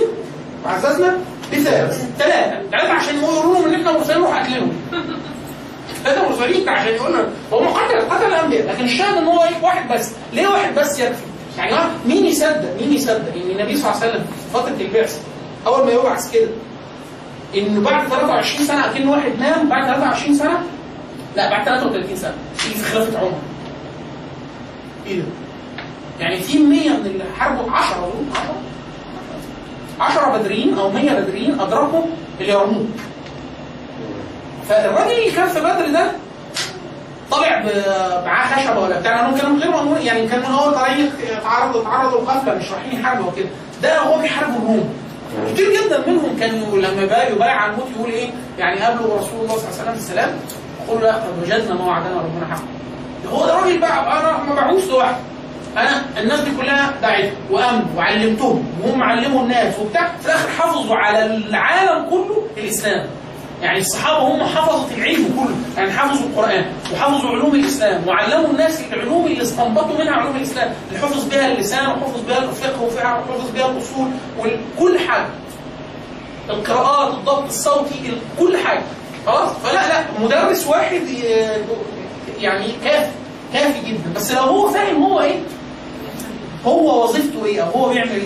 هنشوف ترجمة هنشوف هنتعرض لل- للغزو اللي هو في كل المناطق الاستعمارية. الاستعمار عمل إيه في هولندا الاستعمار عمل إيه في في الهند؟ هنشوف الاستعمار مثلا الهولندي عمل إيه في اندونيسيا ومن حفظ عن اللسان اللسان على الاندونيسي انه مفير سوداني أحمد السلوكي سوداني رايح مدرس لغه عربية. من السودان يحفظ ال- ال- اللسان العربي على الجالية العربية في إندونيسيا. بس ده وظيفته. وده يكفي. يكفي إن هو حافظ كل هذه الكتلة. معاها دينها ولغتها خلاص ففكرة فكرة الفتح اللغوي ده أو الاستمرار في التشابك اللغة ده ممكن يغطي إخواننا قارات. بدون مبالغة. إيه إيه اللي يخلي يعني لكم ان تتخيلوا هنا مجموعات عربية قاعدة هنا. ألاقي اللسان العربي وصل هنا أندلس جنوب فرنسا ليه؟ ألاقيه في الهند. اقوى أقوى معقل من معاقل التعليم العربية حتى الآن في العالم كلية دار العلوم الديوبنديه في الهند. الهند فرع يعني هي فرع ده هي الاصل هي أقدم من دار. لا، بس دول إيه؟ دول اللي هم يعني دار العلوم وسط كفار. يعني ده حافظ الديانة واللغة أحسن تحقيق مخطوطات لامهات اللسان العربي طبعه حجر أباد والطبعات الهندية أحسن طبعات والتحقيقات والشيوخ بتاعتهم الشيوخ ما شاء الله يعني نجوم. خلاص؟ وهنود خلاص عيون عيون الأدب العربي وعيون المعاني وعيون كتب الشعر وكذا طبعات هنديه كتب السنة واحسن شروع طبعات هنديه خلاص؟ فإيه اللي يخلي الديانة تحفظ على دولة ولسان إلا لو الشريحة الأولى؟ في شريحة الفتح اللغوي يعني كتاب كتاب الفتح اللغوي ده الفتوحات اللغويه يا ريت وهو كتاب دقيق شوية آه بس أنا في رأيي الشخصي فكرته ممتعة جدا. فكرته ممتعة جدا. الفتوحات اللغويه اسمه اسمه الفتوحات اللغويه للشرقاوي. الفتوحات اللغويه انتشار اللغة العربية وولادة اللهجات في القرن الأول الهجري محمد الشرقاوي. هنا ده طبع الدار التنوير خلاص؟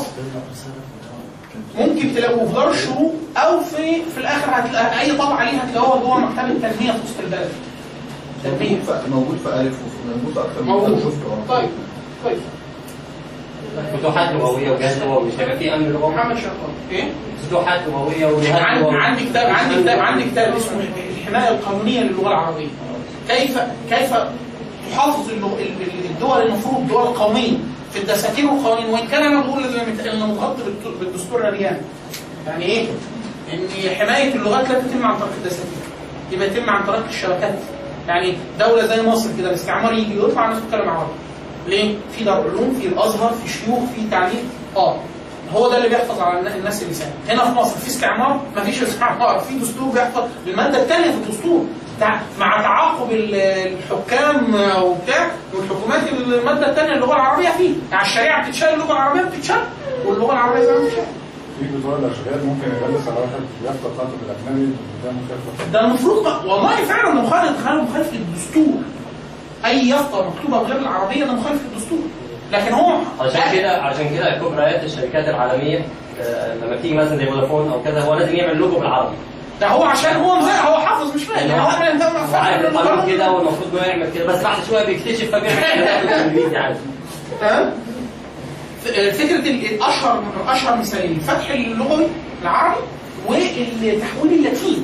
أمريكا اللاتينية ليه؟ آه الاسباني أو تحويل أمريكا الشمالية للغه الإنجليزية. يعني من أين أتت الإنجليزية لامريكا؟ أمريكا؟ الشمالية. ودي قارة كاملة. مجرد المهاجرين الانجليز أو المهاجرين الأوروبيين بشكل عام. تمام؟ طبعا دول الفرنكفون غني عن ال ال الذكر. إن هي ما زالت دول الفرنك إحنا عارفين أفريقيا. فيها ثلاث مناطق نفوذ ما زالت مستمرة. الفرانكفون اللي هي دول النفوذ الفرنسي القديم. دول ال Anglophone اللي هي دول النفوذ الإنجليزي القديم. دول ال Lusophone هي دول النفوذ البرتغالي القديم. فما زال حتى الآن ال Lusophone بيتكلموا برتغالي أنجولا وموزمبيق فيهم ناس بتتكلم برتغالي. إيطاليا في في ليها نفوذ كويس جدا. ما زال حتى الآن الصومال وإثيوبيا وإريتريا. آه غينيا بتتكلم إسباني لغاية دلوقتي. آه في ناس قليلة جدا بتتكلم ألماني لأنه الالمان عارف شوية في موزمبيق بس هم خايبين لأن هم أصلا كانوا بينظروا باحتقار للجاليات الثانية فهو بيحتقر ويشغله بس ما علموش هو احقر من متعلم ألماني. تمام؟ خلي النعره دي تنفعه. الانجليز كانوا عيش الفرنساويين كانوا عيش. الفرنكفون طبعا اللي بتوع الاستعمار الفرنسي كل الدول دي كلها يا إما اللغة الأولى في الدستور هي الفرنسية يا إما المسكوت عنه من اللغة الأولى هي الفرنسية. هي لغة الحكومة ولغة رئيس الجمهورية ولغة. الديوان ولغه كل حاجة. تشاد النيجر آه، السنغال بوركينا فاسو مالي آه، إيه؟ تونس الجزائر المغرب. تمام؟ الفرنساويين كانوا عيش كويس جدا. ال- المد الصيني حاليا غريب جدا. الصين. الصين ناس بتاع الصين؟ ليه؟ ليه يا ابو ده مش نفسك كده. انت شايف عم الصين سهل يعني حاجة حاجة يعني لغه مقطعيه وحالتها بلا يعني هما هي كانت قبل ما يعملوا التعديل بتاع ال- القديم كان 50000 رمز بعد كده صار 4000 رمز لا لسه لسه ال traditional موجود. أصلا لحد دلوقتي بتتكلم بيه تايوان وهونج كونج اللي هي اللي ليها اللي هي إزاي؟ ف لكن المبسطه دلوقتي يعني أنا عشان أتخرج من الجامعة عشان أعرف أتكلم كلام على الأقل 5000 مثلا. 5000 أنا بقول برضه في بقى أكتر من عندهم ده يعني. في جوه السي كلمه مرسوم سمبليفايد تراديشنال جوه السي مناطق مناطق بالظبط. بس الناس- بيسموه بقى هونج كونج بقى عندهم عصبية كده يقول لك لا اسمه Cantonese إحنا هم الأصل. إحنا الأصل أنتوا مش عارفين حاجة ما بتتكلموش لا بس المندرين آه، المندرين أسهل من بقى. عشان دايما كل ما اللهجة تنتشر أكتر كل ما بتتفهم لكن دي دي لغه صينيه فصحى. يعني الصين عاملة نظام لغوي الصينيين نفسهم لازم عشان يعرفوا يشتغلوا في مؤسسات الدولة يكونوا عدوا امتحان اللغة الصينيه الفصحى آه. يكونوا عدوا امتحان اللغة الصينيه الفصحى أكتر. سوريا سوريا؟ ودي من من حسنات البشر من حسنات النظام النظام السوري. وإن كانت يعني هي حسنة مغمورة في بحر سيئاته اللي هي فكرة إن كل الكليات كلية عملية غير عملية لازم يدرس مقررات عربية. يعني العربي معاك في لغات الجامعة. ما في ده, ده حاجة أساسية. لا الطب بيدرس لسه واحد. سوري. هندسة قبله كان عايز يقدم جامعة أمريكية جامعه جامعة أمريكية عشان ماستر وكده. فتقريبا دخل امتحان ال- ال- ال test ال English أقل من المتوسط يعني لأن الدراسة عنده كلها طبعا لا بس هو ال- الدكاتره السوريين قعدوا لغاية الثمانينات أعلى معدل في شهادة المعادله في الطب اللي كانوا بيدرسوا عربي كويس جدا ودارسين الطب بالعربي ففاهم كويس والإنجليزي امره سهل. بعد كده لما التعليم ساء فدي إيه؟ حالهم اسوء لكن هم في الأول كانوا بياخدوا أحسن معدلات. ليه؟ لأن هو الوحيد اللي درس طب بالعربي ففاهمه. هنيجي بعد كده لأثر اللغة على الإبداع. إن هو فكرة اللغة دي. ليه؟ أنت بعد كده لما تقول للناس أنا كادر لغة. عايز ادربكم لغة. يقول لك ليه؟ السؤال إن هو لأ. السؤال هوية موجود. حضارة موجود. ديانة موجود. إبداع موجود. اللغة ليها أثر كبير جدا في الإبداع. في فهم العلوم الطبيعية يعني واحد لما يدرس العلوم بالعربية وغير العربية وهو أصلا عربي بتفرق كتير جدا. بتفيده 75% من قدرته على الإبداع. إن هو يتجاوز العلم اللي بيديهوله على أساس إن هو علم لأن هو مشكلة التدريس هنا ان بيديك العلم على أساس إن ده علم. يعني إيه علم؟ أنا خلاص وأنت هو مش علم ولا حاجة دي فرضية. يعني كل العلوم الطبيعية يا إخوانا حتى الرياضيات. الرياضيات اللي الناس بتقول لك إيه؟ الرياضيات. يعني نظريه الارقام واحد اثنين ثلاثة ده لا ده اللي ما تعرف عليه الناس إن هو بيسموه اساسات الحساب. لكن ده محل نظر في فلسفة الرياضيات. ما حدش عنده قابلية للنظر في فلسفات العلوم إلا اللي هو وصل لدرجة الفهم فهم أصل الأشياء. مش ممكن فهمها من غير أصل لغوي عشان كده كم واحد عربي عربي خد جائزة نوبل في الفيزياء؟ عربي. هو أزواج مسلم كتير. في كذا في واحد في باكستانيين وإيرانيين. عبد السلام بتاع الفيزياء النووية. في في كذا حد. مصطفى مشرف مصطفى مشرف لا ده كان عالم. كان عالم الدنيا. كان آه.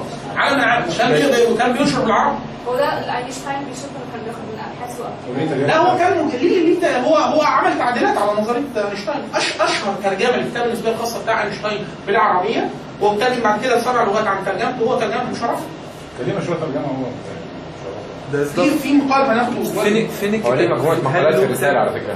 له كتاب ترجمة النسبيه الخاصه إصدار يعني. آه، ممكن أشوف لك الطبعه بتاعته لأن كان في. دكتور آه الدكتور الجوادي كان واخد مشروع مصطفى مشرفة كله آه، إخراجه للضوء. ط- ط- طلع موجود عندنا منه تحقيق جبر المقابلة بتاع خوارزمي حققه مصطفى لأنه دكتور مصطفى علي مصطفى كان مش إيه إيه تخصصه؟ كان دكتور دكتور في الرياضيات، دكتور في الفيزياء، دكتور في الفلسفة، دكتور في الموسيقى. درس موسيقى. خلاص فهو آه، ليه أنا أنا أنا شخصيا عندي الجو تحقيق مخطوط الجبر المقابلة بتاع خوارزمي تحقيق آه، مشرفة وأظن كتاب النسبيه الخاص عني وليه كتاب اللي هو مجموعة المقالات بتاعته نشرتها الهيئه المصرية للكتاب مطالعات آه، علمية ليه مقال هناخده واجب اللي هو اللغة العربية أداة علمية. ده كتاب كاتبه مصطفى مشرف مجموعة مقالات. إيه؟ مجموعة مقالات. هي مجموعة مقالات اللي هي مطالعات علمية. المقال ده جوه اسمه اللغة العربية أداة علمية. كان بيقول إن العربية دي أمر محسوم في ومقول لي العلميين مش لغويين.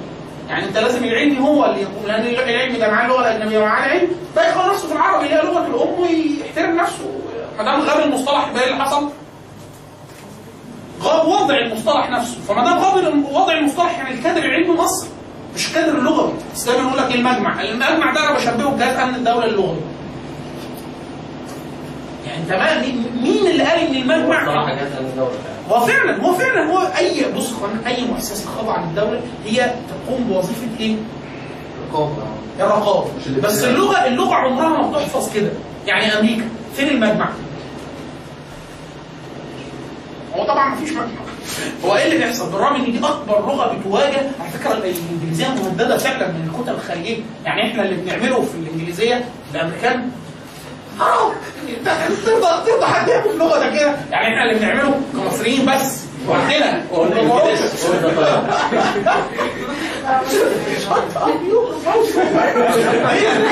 دي لوحدها. دي لوحدها يعني دي ممكن تحطها في أربع نص لغويه في الشهر انت عارفين إن في لغة بتموت كل 14 يوم. العالم كله فيه 7000 لغة. كل 14 يوم بتموت لغة. بتموت. خلاص بتختفي من على الأرض. نفس. فدي دي جابت للغة تسلخات. بالرغم ان الإنجليزية مهدده من قبل اكبر كتل غير اصليين يعني غير متحدثين أصليين باللغة لكن إيه اللي بيحصل؟ إن الحراك العلمي الحراك العلمي محافظ على قدره اللغة على التجدد وضبط المصطلح وإن هم إيه المصطلح يكتب الهنود بيعملوا مصطلحات وإحنا شغالين بنعمل مصطلحات. مصطلحات بتاعتنا إحنا لوحدنا في واحد آه، دكتور عندنا في الكلية دكتور حماد بيقول أنا كنت بدرس لطلبه باكستانيين علم لغة. وهو الانجليزي بتاعه مصري يعني أصيل يعني ما يعني يعني شيء. فقال أنا أقول لهم بنيني قال كذا وبني ده عالم اللي هو فك اللي عمل أول مقارنة ما بين ال- السنسكريتية القديمة واللغات الهند اوروبيه وبش إن في علاقة يعني فبعد كده فالعيال الباكستانيين دول أصلا هنود في الاصل فدارسين إنجليزي انجليزي يقولوا فاهمين عارف يا ابني بنيني؟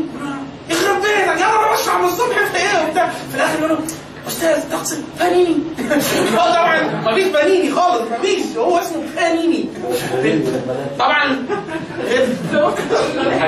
فإحنا طبعا إيه يعني مسكنا اللي هو شحورناها طبعا. فهو بالرغم إن كده قادر يحافظ إيه السبب؟ اللي هو فيه حركة معجميه ضخمة وحركة زي العالم العالم الإسلامي. العالم الإسلامي زمان في, في أصل الحضارة. هو شغال بيكتب. كم واحد بيكتب باللغة العربية في العالم؟ كل العالم تقريبا بيكتب بالعربي. مفيش حد بيكتب حاجة محترمة في العلم غير بالعربي خلاص؟ الكلام ده ده قاعد لغاية 1600 1600 م- مراجع طبعي مفيش مرجع بيدرس في الجامعات الاوروبيه لغاية 1600 1600 إلا يا إما عربي محض كده يعني نيوتن كان يعرف عربي روجر نيوتن كان يعرف عربي كويس. خلاص؟ إلا إما عربي محض أو مترجم من العربية للاتينيه مباشرة. تمام؟ لكن بعد كده أنت بتعمل إيه اللي بيحصل؟ إن أنت بتكون من قدرتك العلمية أنت بتكتب زي إحنا في العالم، العالم كله بيكتب رسائل بحث وكده.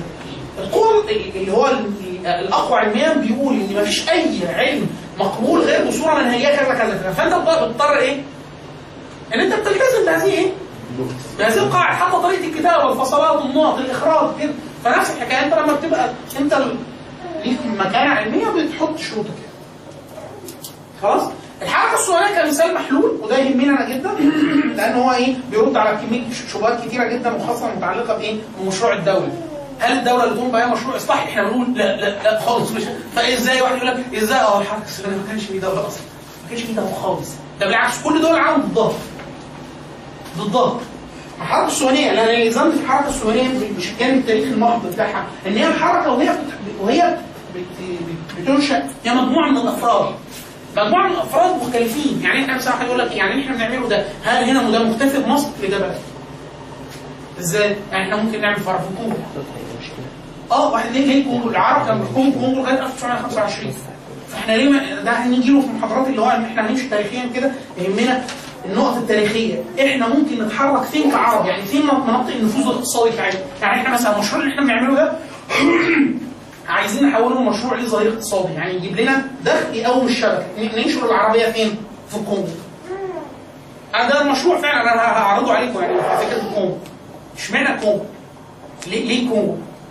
الكونغو إن إحنا أول حاجة لينا تاريخ وجود هناك. العمانيين كانوا بيحكموا الكونغو لغاية 1925 اثنين في جمعية هنا أنا أعرف حد في الجمهورية يعني. ماسكها اللي هي مسكت آه، مديرة رابطة أبناء الكونغو الجالية الكونغوليه هنا في مصر. كبيرة. خلاص؟ وبيتعلموا عربي خلاص هم بيتكلموا فرنسي بيتكلموا عربي يعني إحنا ممكن نعمل معاهم كذا ح- كذا حاجة. اثنين وده الاخطر والأهم إن دي شبكه اقتصادية يا اخوانا يعني إيه شبكه هناك إزاي إزاي تتحول شبكه اقتصادية؟ إن هو أصلا كل الدول دي بتتعامل معاك على أساس إن أنت إيه؟ إن أنت نادر. أنا عايز حد يعلمني. عايز حد يعلمني. ده الراجل ده بي ممكن يعاملك أصلا بيتعامل معاك ممكن بالدولار ده مهم جدا. الشبكة نفسها قائم عليها الاثنين. انت ممكن تعمل اثنين. يعني مثلا طريق أحمد صبري اللي أنا هيشتغلوا معاكم في الدورة بتاعت المهارات. دي أصلا تعليم عربية بشكل عام مخارج أصوات بشكل عام وتجويد بشكل خاص. يعني الاثنين تقدر تعمل الاثنين. فأنت لو أنت عايز تتعلم عربي محض أو أصوات محض أو ينفع. عايز تتعلم الاثنين والقران التجويد ينفع. بطريقه سهلة ومضغوطة. يعني أحمد صبري الراجل بتاع عريض كده وأنا أظن مصدقه في ده إن هو الفكرة إن هو قادر يعمل إيه؟ حاجة منهجيه أقول لك في عدد كذا ساعة تقدر تنطق عدد كام من الكلمات. كل الأصوات بتاعت العربية توجدها مش عارف قدر يضبط المسألة بشكل إيه؟ تدريبي يعني. خلاص؟ فأنت بتقدر تخاطب بيه ماشي. السؤال الأهم من ده هو ليه مهتمين دول زي دي بالعربي؟ لا ليه؟ عايز عايز إجابة. يعني ليه مثلا أنا أنا في أفريقيا في الكونغو مثلا في أوغندا كينيا فيها فيها نسبه اظن من المسلمين يعني مش قليله سيبك من موضوع المسلمين، المسلمين مثلا مستضعفين ما لهمش لسه مع لا النهضة بتاعتها بدات من المسلمين تقريبا لا خلاص هم هم قطاع إن هم. يتضخموا اقتصاديا. يا أخوانا أنتوا مش ملاحظين. ليه ليه ليه أمريكا مثلا بتصرف فلوس كتيرة جدا على اهتمام تطوير العربي والسوفت وير والبرامج وبتاع ليه؟ الخليج الخليج يا أخوانا شوال الفلوس اللي قاعد في الخليج يا اخوانا العالم كله لما بيحب يتكلم عربي يتكلم عربي ليه؟ يا إما ديانة يا إما عشان يتكلم مع الخليج. فأنتوا بت- اللغة العربية لغة مهمة من الناحيه الاقتصادية. بالنسبة لمين؟ أي حد عايز يتكلم مع الخليج. طب مين يعلمه عربي؟ بتوع الخليج. أقول له إيش وليش وفيش هو عايز يتعلم عربي فصيح برضه. خلاص. يا إما هنا في مصر لو عايز يتكلم كتلة كبيرة جدا يتجسس بتاع حاجة كده يبقى عايز يتعلم عن بخصوص مسألة الخليج. واللغة دي. آه. في شركة شارب. شركة شارب اللي هي اليابانية. آه. بمناسبة المكيف آه، في هما كان كنت في مرة بعلم آه، باخد فكرة عن مسألة تعليم العربية ناطقين بالناس فكان من ضمن الناس اللي بعلمهم واحد شاب صغير كده اسمه اكي موظف في شركة شارب وجاي هنا مصر. جاي هنا مصر عشان يعمل إيه؟ عشان يتعلم بس عربي. وبعدين يروح يشتغل في دبي. فبيعلموا عربي بيدفعوا له ايجار الشقه بس 10000 جنيه في الشهر في الزمالك. ايجار شقة. عشان يتعلم إيه؟ عشان يتعلم عربي. يا عم تعالى عندي في الشقة وأعلمك عربي. وهات فلوسي وهات ال 11 يعني هو مش عشان دول يعملوا يعملوا مشروع شبكة لغوية كاملة. غير الفلوس اللي بيصرفها على التعلم يعني هو بيصرف له بتاع 25000 أو أنا دي أنا 30000. زمان ما كنتش واخد بالي من ده لغاية ما حد ما يقول لي عربي يا عم إيه ما هو طراطيم بتوع دار علوم هنا. فقال لي ما هو مش فاهم إن في سوق كامل قائم على آه، إن العربي ده آه، ما- ما- حاجة اقتصادية. أيوه بس حضرتك ده يعني هيقف عند مثلا 2045 احتياط النفط يقف عند فين؟ 2045 إحنا شغالين لغاية 2025 ما أقصدش أنا أقصد يعني تاني بعد لا أنا بكلمك إيه؟ يعني أنا بقول لك دلوقتي إيه الأهمية؟ لا طبعا في أسباب ثانية في أسباب ثانية إيه؟ النصر إيه؟ هو حاليا فقد الخليج فقد اهميته الاستراتيجيه لأن العالم كله حاليا فكرة إيه؟ في تقارة معينة استنباط الغاز والغاز نفسه بس فيعني لكن هي الفكرة في إيه؟ ما تنساش إن أنت كتله أنت كتله شرائيه يعني مصر مثلا. ليه مصر؟ إحنا بالنسبة لنا العالم في دول يعني برغم إن إحنا مش دولة قوي يعني بس برضه بيحبونا. ليه؟ إحنا سوق استهلاكي بشكل بشع بشع والسوق السوق ما بيصنعش حاجة. فلو عملت لنا بلالين هنشتريها في بعد تاني برضه المنطقة يعني منطقة أنا المنطقة والأبعاد الدينية وال- والروحية دي ده أمر لا. الغرف الغرف السياسية. المكان مهم المكان مهم تمام؟ دايما يقول لك مصر اللي حكمتها قرود هيبقى المكان مهم المكان نفسه مش القرود يعني تمام؟ اللي يلزمنا في الحركه السودانيه يا اخوانا بصوا ركزوا بس على نقطه إيه؟ إحياء اللغة يعني هو بص الجمعيات هو عامل جمعيات مساعدة؟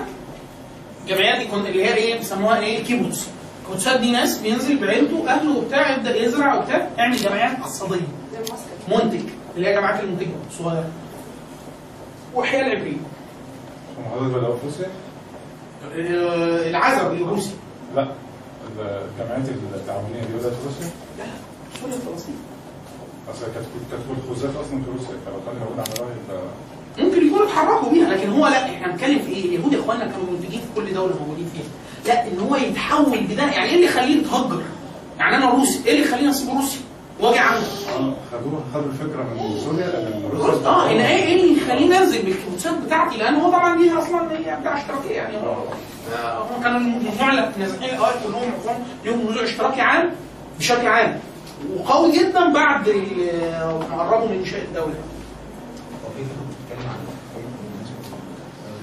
العرض من الناحيه اللغوية ولا من النشأة عموما؟ النشأة عايز أجيب لك أجيب لك حاجة مخصوصة عن الحركه الصهيونيه نفسها ونشأة إسرائيل، لكن في كتاب جيد جدا بس مشكلة الكتاب إن هو عامل تركيز على حاجة بعينها اللي هو اسمه طريق إلى بيت المقدس. أصل المشكلة. دكتور جمال عبد الهادي. لا بس أنا يعني مش عايز عبد الوهاب عايز حد يعني إيه؟ لأن إحنا عايزين كتاب محضر هنا بيسأل على يعني أصل الحركة مقولاتهم أدبياتهم عملوا إيه بالظبط. في حاجة كان دار الوفاء فيها كذا عنوان كويس. عن بعيد لكن طريق البيت المقدس بتاع جمال عبد الهادي جاي تمام؟ إيه، اللي يلزمني بص يا اخوانا. الكيبوتسات اللي هي جامعات المساعدة الصناديق الصندوق القومي ده ده ده بيت مال يهود يعني تمام؟ البنوك. أنا فاكر بيعمل شبكات اللي هي الجامعات بتاعته. ده بقى اللي هو صديقي اللي هو الراجل ده هو روسي ساب روسيا 77 1977 راح فرنسا كمل تعليمه وهو دكتور أصلا. بعد كده رجع جوز واحدة هي ما بتتكلمش عبري علمها عبري ورجع دخل بيها فلسطين خلفوا عيل الولد ده هو وأمه والعزم أول أسرة يهودية من من 1000 سنة. مفيش أسرة كلها بتتكلم عبري من 1000 سنة. خلاص؟ وبدأ قال لهم يا إخوانا إحنا عايزين إيه بقى؟ صلاة على النبي كده ننشر العبريه قالوا ما ينفعش. قالوا أنا اللي جاي من ألمانيا بيتكلم الماني اللي فرنسا بيتكلم فرنسي اللي من روسيا بيتكلم روسي ليه نتكلم عبري؟ فهو الراجل كانت الاجابه إيه؟ يعني حلم الصهيوني ان إحنا نعمل لغه قوي مش هقدر قوي من غير لغة مشتركه قالوا لنا يعني أنت عايز تحيي لغة؟ لغة ماتت 1000 سنة مش عارف إيه. قالوا لنا لا كل حاجة موجودة. بدأ يعمل لسه اسماء المخترعات الحاجات مش عارف إيه. المشكلتين الأساسيين بتوعته اللي هو إيه؟ مشكلة العلوم. أنت اللغة ليها 1000 سنة مش بتتكلم بيها. بالها انه بيألف بيها. فهنعمل لها نجيب لها معاجم منين متخصصه ده ده ده استشكال. استشكال تاني اللي هو إيه؟ التعليم. تعليم يعمل إيه؟ الراجل عمل مثلا حرف 40 مشروع في 20 مثلا منهم فشلوا و20 نجحوا اللي هو إيه؟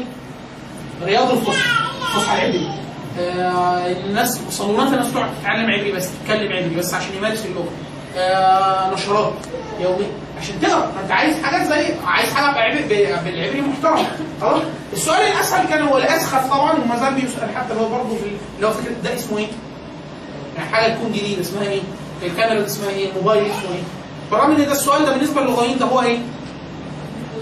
هو ده أسهل حاجة ليه؟ لأن التسمية في الأصل اعتباطية يعني إيه؟ يعني أنا مثلا مخترع الموبايل وابني اول وأنا بخترع الموبايل اول ما اخترعته لسه ما سميتوش قالوا انت خلفت خلفت مين؟ كريم اسمه كريم واحد خلاص آه مرسيدس اسمها مرسيدس ليه العربيه؟ بنت كان بنت بنت صاحب المصنع هي داخله عايزين يسموا العربيه خش يا مرسيدس أيوه حلو الاسم سموها مرسيدس خلاص تويوتا وهوندا وهوندا وهونداي حاجات اسماء فهد مش عارف حاجات كده باليابانيه خلاص؟ الشاهد إن أنا إيه أسهل حاجة التسمية. تسمية اعتباطيه أنا هسميه آه عبد الصمد 132 خلاص؟ أنا هسميه كده. خلاص هسميه كده. فالتسمية سهلة. خلاص الصعب إيه؟ لغة العلم. هو الراجل إيه؟ الغريب إن هو عمل إيه؟ اللي هو قال له ينفع أصلي من غير وضوء؟ قال له لا ما ينفعش. قال له إيه؟ قال له أنا جربتها. الغريب قالوا له إيه؟ تعرف تعمل علم بالعبري؟ بس عجزوه كده. مفيش فيزياء ولا صيدلة ولا حاجة. يعني سنتين اللي هو المعجم العبري الحديث عمل منه أربع أربع مجلدات قبل ما يموت ولايه فرقه وبعد كده كملوا طبعا تلامذته كملوا 16 مجلد اللي هو العبريه الحديثه كل الأسماء المخترعات الحديثه بالعبري عمل إيه؟ هو الراجل عشان نكد علينا قبل ما يموت علي أنا شخصيا قال إيه؟ قال لا يمكن أي لغه لأي لغة مشتركة مع اللغة الع- العربية في أسرة لغة واحدة يصعب يصعب احيائها. إيه اللي حصل؟ جاب المعالم العربي طبعا هو دخل فلسطين 81 يعني كانت مصر أصلا مش محتلة لسه. خلاص؟ فأنت عبرين بالعلوم ليه 80 سنة مثلا 90 سنة من أيام محمد علي في مصر. فكل العلوم تقريبا موجودة بالعربي. فالراجل خده وعمل عبرانة. طبعا اللي هو العبرية؟ هو اللي بلفها هو اللي الع- العبرة لا ما هو عارفه اللي قواعد الص- الصك المصطلحات في العربي سهله يعني أنا إيه أجيب الحاجة وأشوف ال- المعنى والمفهوم واقرب حاجة الجذر اللغوي في قواعد سهلة كده فهو عنده العربي سهل جنب ال- جنب العبري خالص فسهل. يجيب منه الحاجة الراجل إيه؟ بعد المج- المجامعات اللي عملها لا بصوا. فين؟ 918 جامعه عبريه جامعه يعني هو داخل 81 19 كان في جامعه جامعه عبريه درسوا العبري بس أصل 30 سنة عشان إيه؟ لغه ميته يا 1000 سنة. مفيش ولا حاجة عربي مفيش ولا حاجة عبري مفيش قواميس مفيش معاهد مفيش كتب. ده إنجاز ده. ده. أنا هموت من الغيظ فولكاني عمل معهد زراعة معهد تكنيوم اللي هو معهد تكنولوجيا ده أحسن معهد حاليا حتى الآن معهد في- العالم. تقريبا تكنو آه اللي هو معهد التكنولوجيا ده ده كله قبل الدولي ده سخط 25 يعني الدولة لسه ما قامتش ليها 22 سنة. لسه جاية 22 سنة. وهو الراجل إيه؟ قاعد نكد علينا نكد على الفلسطينيين عمل جامعات اللي هو كان من 30 سنة بيقولوا له إيه؟ ده اسمه إيه؟ ده اسمها إيه؟ طبعا بص العصفوره مفيش الكلام ده كله. خلص معالم خلص كتب نكد عليهم عمل لهم مدارس للأطفال مدارس عمل كل ده خلصانه في الآخر إيه؟ نفسك في حاجة الاستاذ هناك نفسه في حاجة؟ الاستاذ نفسه خلص كل حاجة دي جماعة يا إخوانا دول دي جماعة علميه واحدة. دي جماعة لغوية واحدة. انشئ عليها كل حاجة مراته اللي هي أصلا غير عبرانية لما أتجوزها ما كانش بيتكلم عبري هي من مؤسسي مجمع اللغة العبريه بص كمالة النكد أظن سويسريه أظن سويسريه أه؟ ده كان شرط. خلاص؟ في ال- ال- الفكرة اللي إحنا هنأسس عليها بعد كده بس ده ده جزء من اللي هي فكرة المنح إحنا بنشاور برضه على الحاجات اللي إحنا الملفات الكبيرة اللي إحنا هن- هن- هنمشي عليها. فكرة إن اللغة مرتبطة بشوية حاجات ثانية زي اللي إحنا قلناه كده اللي إحنا بنتكلم على إن ال- ال- الفكرة تعليم اللغة الثانية إن اللغة مهمة. يعني أنت عشان تتعلم أنت شخصيا لغه ثانية لو العربي بتاعك كويس تعرف تتعلم أي لغة ثانية بسهولة. دي دي قاعدة عامه ده الفكرة دي مبني عليها برنامج فلوينز بنت أمريكية عاملاه هي بتتقن الفرنسية والصينية. هي عاملة برنامج انت مركز كده هي البرنامج كامل هي اللي موجودة جواه تعلمك النطق والكتابة والق... كل حاجة صيني وفرنسي. تتقن الاثنين. عن طريق إيه؟ إن هي بتقول إن أنا بعلمك اللغة ب... ب... ب... ب... بحسب اتقانك اللغة الأولى. هو ده الفكرة اساسي آه عندنا اللي بيبقى مستواه حلو قوي في الصين ده بيكون على قدر جميل من الخلفيه العربية أصلا. أنا أنا أنا وقت بدرس دبلوم الترجمة. لما بنيجي نترجم أحسن ترجمة بيترجمها العبد لله. وأنا قاعد كده. برغم إن أنا على مستوى العربي مش مش مش حلو قوي يعني أنا منهجيا ممكن أبقى كويس كباحث يعني. لكن أنا ك ك ك نظري. لا لا في ناس أحسن مني كتير جدا. خلاص؟ بالذات لما حد يكون درعامي أصيل. يعني أنا درعامي هجين أصلا مش درعامي أصيل وهو شغال على نفسه بيدرس أدب ولغة وشعر كتير وبتاع. يبقى نقطه كويسه قوي خلاص؟ بطلع الترجمان بالنسبة لهم. إيه السبب؟ إن أنا العربي بتاعي معقول. وهو الإنجليزي ممكن تحصيل لغة ثقيله يعني. مش مش مش تقيلة. خلاص؟ فاللي هم ده, ده السلم اللي إحنا إيه؟ السلم اللي إحنا مشينا في تومي تومي وزان مشهور جدا الراجل بتاع مهارات الذاكرة والتفكير وبتاع. عامل سلسلة اسمها قوة كذا قوة الذكاء الاجتماعي قوة الذكاء مش عارف. عامل كتاب اسمه قوة الذكاء الكلامي. قوة الذكاء الكلامي. الراجل بيقول إيه؟ عامل مستشهد بتجربه بيقول إيه؟ توني بوزان أنا جايب الكتاب معايا. على فلاش لو حد عارف. كتاب السلسلة PDF. كلها ولا هو ده أحسن؟ أنا جايب السلسلة معايا. قوة الذكاء الاجتماعي قوة الذكاء العاطفي قوة الذكاء الكلامي جرير هم كلهم موجودين PDF أنا أنا نزلت منهم ستة أو سبعة في حاجات منهم عربي في حاجات منهم إنجليزي. ولو حد عايز عايز كلهم المرة الجاية أجيب له الباقي. كلهم بي دي اف لكن أنا معايا هنا دلوقتي قوة الذكاء الكلامي ده أنا عايز الناس ده واجب. يعني أنا شخصيا هطبعه هطبعه لنفسي لأن أنا ما سألت عليه الجرير خلاص بطل يطبعوه. ودوا له وكاله الأهرام المفروض بتطبعه بطلوا يطبعوه كتاب مهم جدا. ماشي. دور أنا هسيبه لك كده وانت اقراه. الكتاب مهم جدا. في تجربة في الكتاب بيقول إيه؟ بيقول مجموعة بحثية بتاع دراسات عليا رياضيات. يعني دول بيدرسوا رياضيات متقدمة. خلاص عايزين يحسنوا من قدرتهم الابداعيه جت نديهم عربي نديهم سويدة نديهم آه، رياضيات متقدمة نغير المناهج نغير فلسفة. ففي عرضوا الفكرة على واحد لغة قال لهم أنتوا تعبانين قوي كده ادوهم نفس المناهج بس ادوهم إيه؟ روايات وشعر وأدب. يا عم بتوع الرياضيات قال لهم والله هو ده. زيادة الحصيلة اللغوية. زيادة الحصيلة اللغوية زياده القدره على الإبداع. خلاص؟ الغريبه إيه؟ إن التجربة اتعملت أربع خمس مرات على مجموعات من طلبه مختلفة دراسات عليا في الرياضيات على مستوى متقدم. كل مرة المجموعة اللي اضيف فيها مناهج شعر وأدب وتح- وحصيلة لغوية اضافيه فوجئ إن نسبتها في الإبداع والتحصيل والدرجات زادت بنسبة 25% نشغل شقين المخ ده ده ده واحد إن هو فكرة الوظائف إن هو عمل تكامل، اثنين إن أنت فكرة إيه لا يمكن التعبير عن الاشياء إلا بالحصيله اللغوية، لو غابت الحصيلة إحنا دايما بنسميها لغة الأطفال. ليه ليه العالم بالنسبة للطفل الصغير آه، ثلاثي بس؟ آه إن هو بابا وماما وكوكو بس.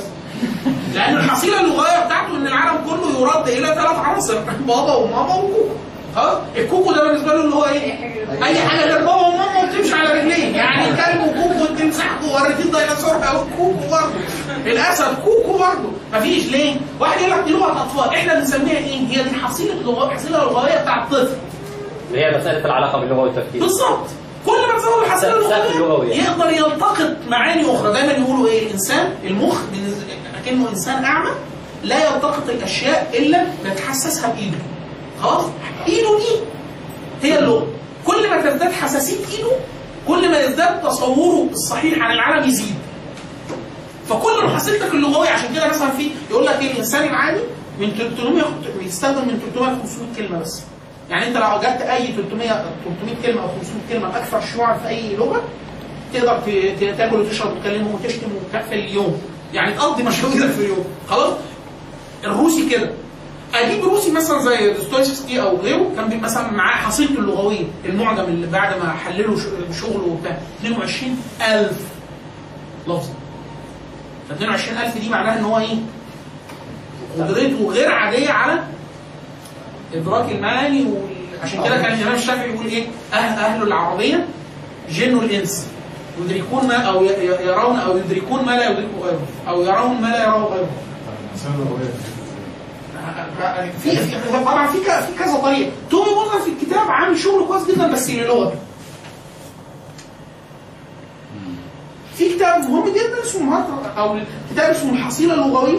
طبعا يتعامل معرفة كويس. وفي كتاب اسمه المهارة اللغوية بتاع الدكتور فخر الدين قباوي أستاذ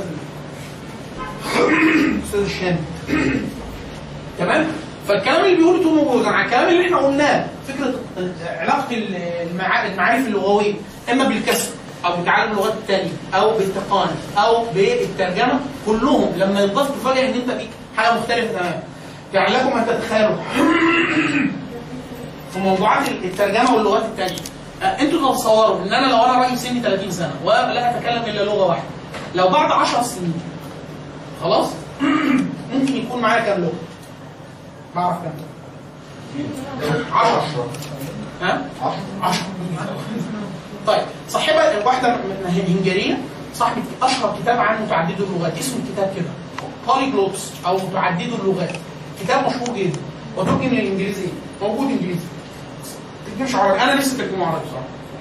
هاخده واجب. اشتغل. الكتاب بتقول هي بتدخل كام لغة؟ 24 لغة. آه 24 لغة 24 لغة ستة منهم نيتف يعني هي زي أهلها. ستة تاني ما دام موجودة في مكتبتها تترجم أي وثيقة من وإلى حاجات كده. هي مقسماهم مجموعات كده. الشاهد إن هي بتقول إيه؟ إن كلهم اتعلمتهم بعد ما سنها كان 30 سنة أو 33 سنة. بعدهم. وهي بتقول بتشرح في الكتاب إيه؟ الطريقة المثلى. إن أي حد يتعلم حاجة ثانية اللي هو إيه؟ التعرف على اللغة من خلال النصوص الحيه النصوص لا النصوص النصوص السريعه يعني تعلمها من طريق الأدب ما تعلمهاش من طريق القواعد. آه في في اللي إحنا بنسميها عندنا في العرب طريقة المغالي إن أنا أعرفك على نصوص فصيحة كتيرة جدا فإيه؟ فأنت تكتسب اللي هو أحسن. وزي بالظبط انك بتستخدم الميديا في التعلم. يعني أنا مثلا في وقت كتير كنت بقضيه من حياتي أتفرج على مسلسلات صيني وافلام بس.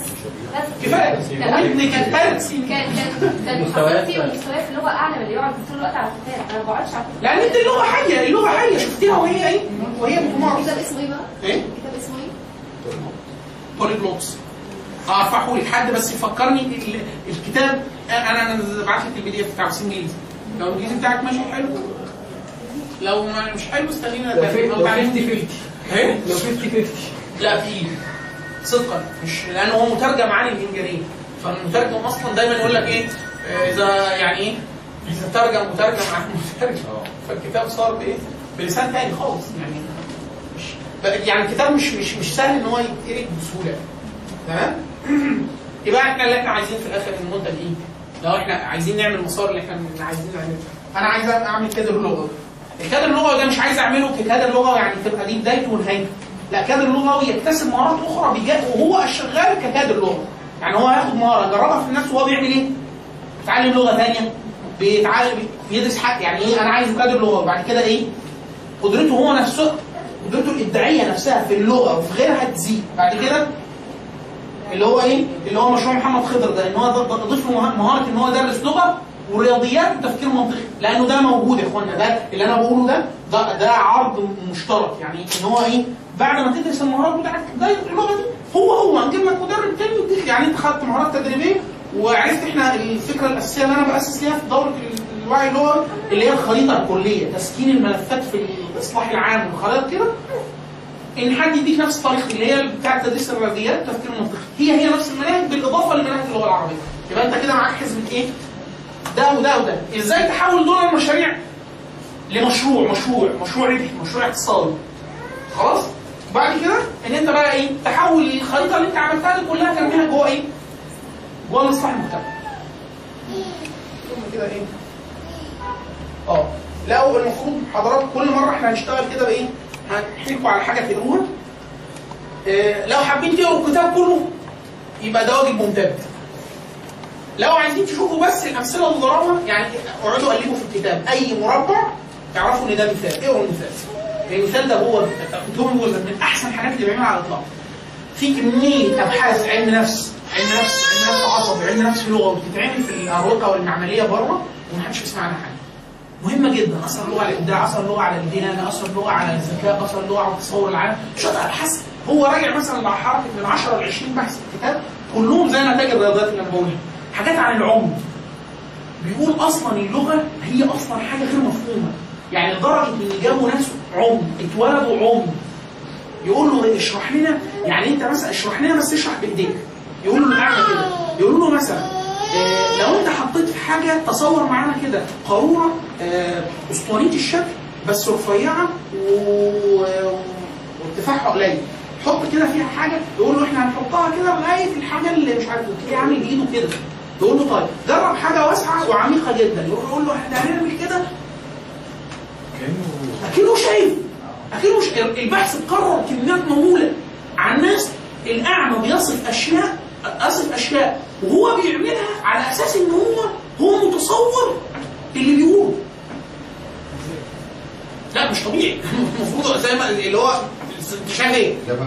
أنت شايف إيه؟ هو ال- ال- الاتجاه الحديث أقرب حاجة؟ أنا في حد من الشباب شغالين معاهم في ابحاث بتاعت آه، آه، حاجات آه، آه علم لا معالج يعني معالجه عصبية لغوية. حد بيفقد حاجات في القدرات الكلاميه إحنا عن شوية أبحاث. يعني لو قدر مع الوقت إن نستلم منهم حاجات من باب اللي هو توسيع اللي هي القدرة الإبداعية إن أنت تعرف إن الجانب ال- ان اللغة دي يعني مثلا لكم تتخيل إن من أنظر المجالات في العالم في العالم معالجة ال- المشاكل الكلامية. يعني الافيزياء اللي هي اللي هي الحبسة أو الحبسة الكلامية لكم أمريكا كلها فيها 13 معهد بس متخصص بده.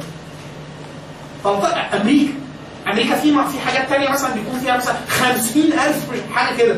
أمريكا فيها 13 معهد بس متخصصين بدول مراكز علاج. ليه؟ لأن المخ بالنسبة لهم إيه؟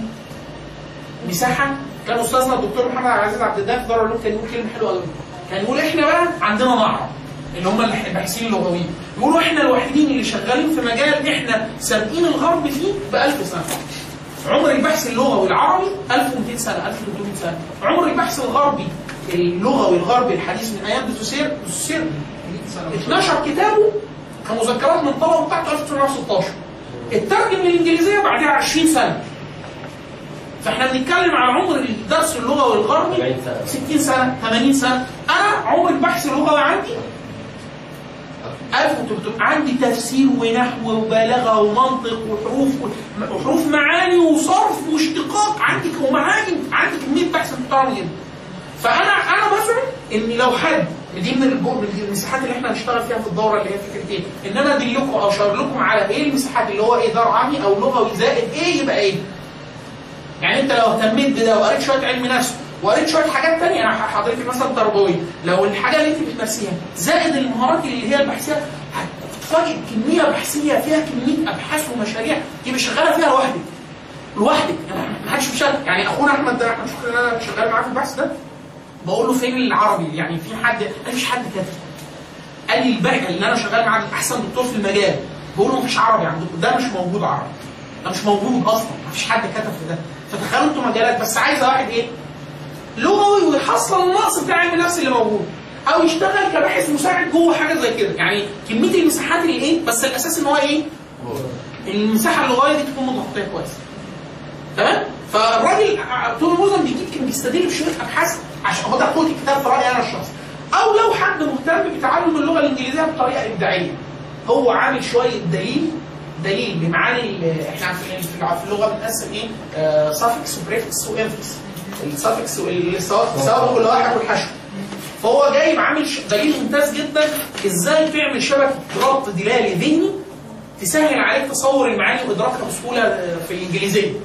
فالكتاب نفسه مفيد في الإنجليزية. لو حد عايز النسخة الإنجليزية بتاعته موجود. الكتاب معايا. يعني دلوقتي لو حد عايز ياخد إنجليزي ماشي العربي ماشي. أنا معايا العربي إنجليزي. تمام؟ هو تومي ووزن هو قلت ده الكلام ده. فده ده ده واجب. إن أنتوا بس شوفوا اقروا الأبحاث. هم قلبوا في الكتاب كده. شوفوا كل مربع يبقى ده بحث. اقروا البحث. خلاص؟ شوية أبحاث حلوين قوي وترجمة العزب بريمون ده تكليف. يعني إيه؟ هو في في في ودي فيديو كويس. ليه اليهود بيخ- اي حاجة تبع اليهود. يبقى انت بتتكلم عن مادة مخدومة. كده طيب دلوقتي إحنا إيه؟ إحنا القناه الجايه إن شاء الله إيه؟ إن شاء الله الاثنين الاثنين الساعة؟ الساعة 4 الساعة؟ 4 الاثنين الساعة 4 الاثنين الساعة 4 الوقت. الأول الأول في اي حد الم- الميعاد بالنسبة له محال مش محال لكن في حد عايز يقدمه أو ياخره لا أنا خمسة لا لا بعد أربعة بعد عملية اصل في آه عشان المروحه لا مش مشكلة في البنات أصلا هم مشكلة لا أصلا معاك صح أيوه حد قال لك أنا كنت احسن واحد هو في في ازمه هو كان الاثنين ولا الثلاثه؟ هو إحنا سبت الدورة دي. الدورة دي يا جماعة سبت اللي اللي معلن الاثنين صح معلن إيه؟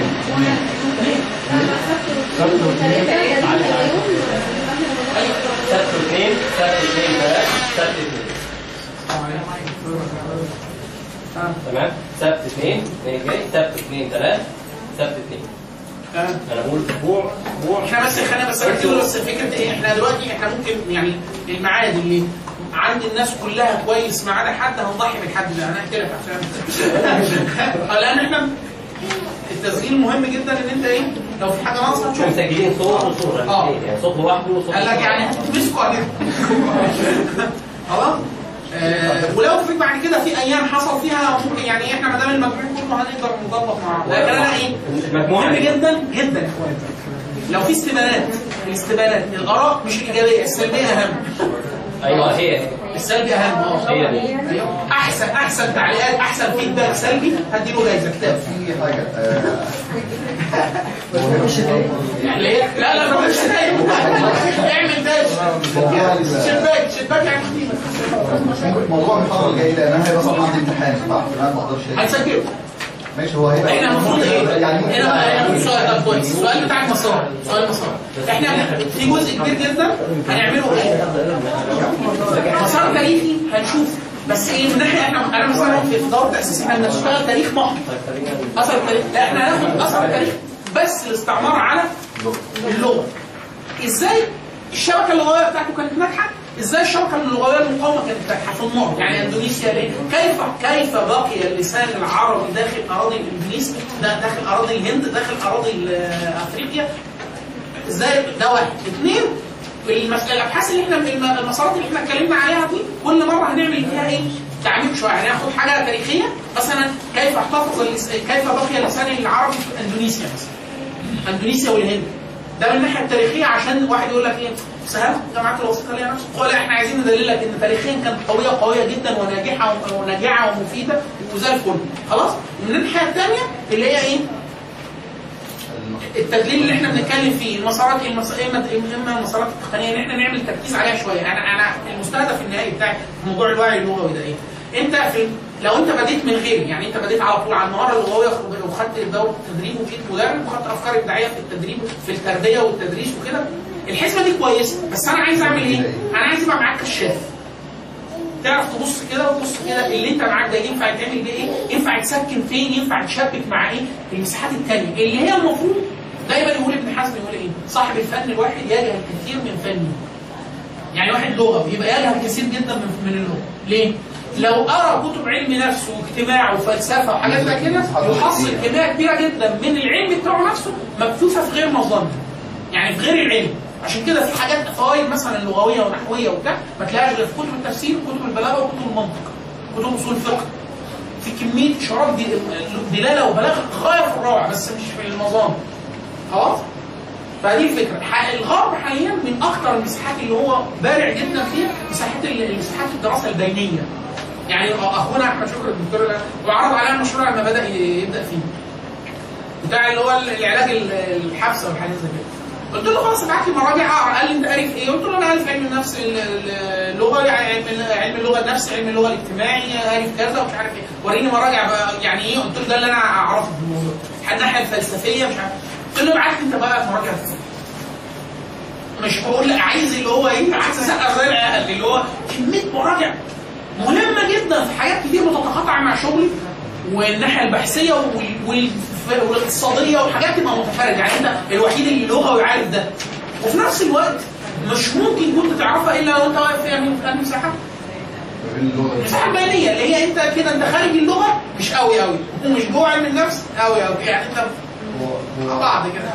هو أصلا يعني في مجال اللغة عموما ال- ال- الابحاث اللي ليها يعني الناحية الأكاديمية دلوقتي الابحاث البينيه هي يعني هي اللي ليها اهتمام أكتر يعني. ما تلاقيش حد مثلا بيبحث نحو بس أو بيبحث صرف بس أو لأن هو العالم العالم ما فيهوش كده. اللغة ما فيهاش كده. اللغة ما فيهاش نحو.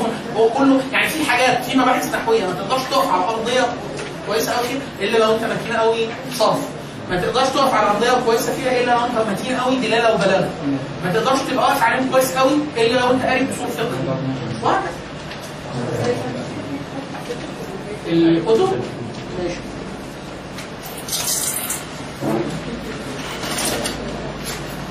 طب أنا هقول لك حاجة ممكن انت تديها لي إنه- أنا طب أنا هحطها عليها على ال desktop هنا هنا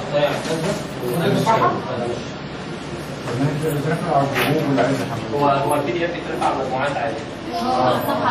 بس استنى بس الأول نتاكد من حد لأن هو اللي ما بيقبلش ممكن يتحط ممكن يتحط على اي اي إحنا بس نتاكد نتاكد ان هو شكله إيه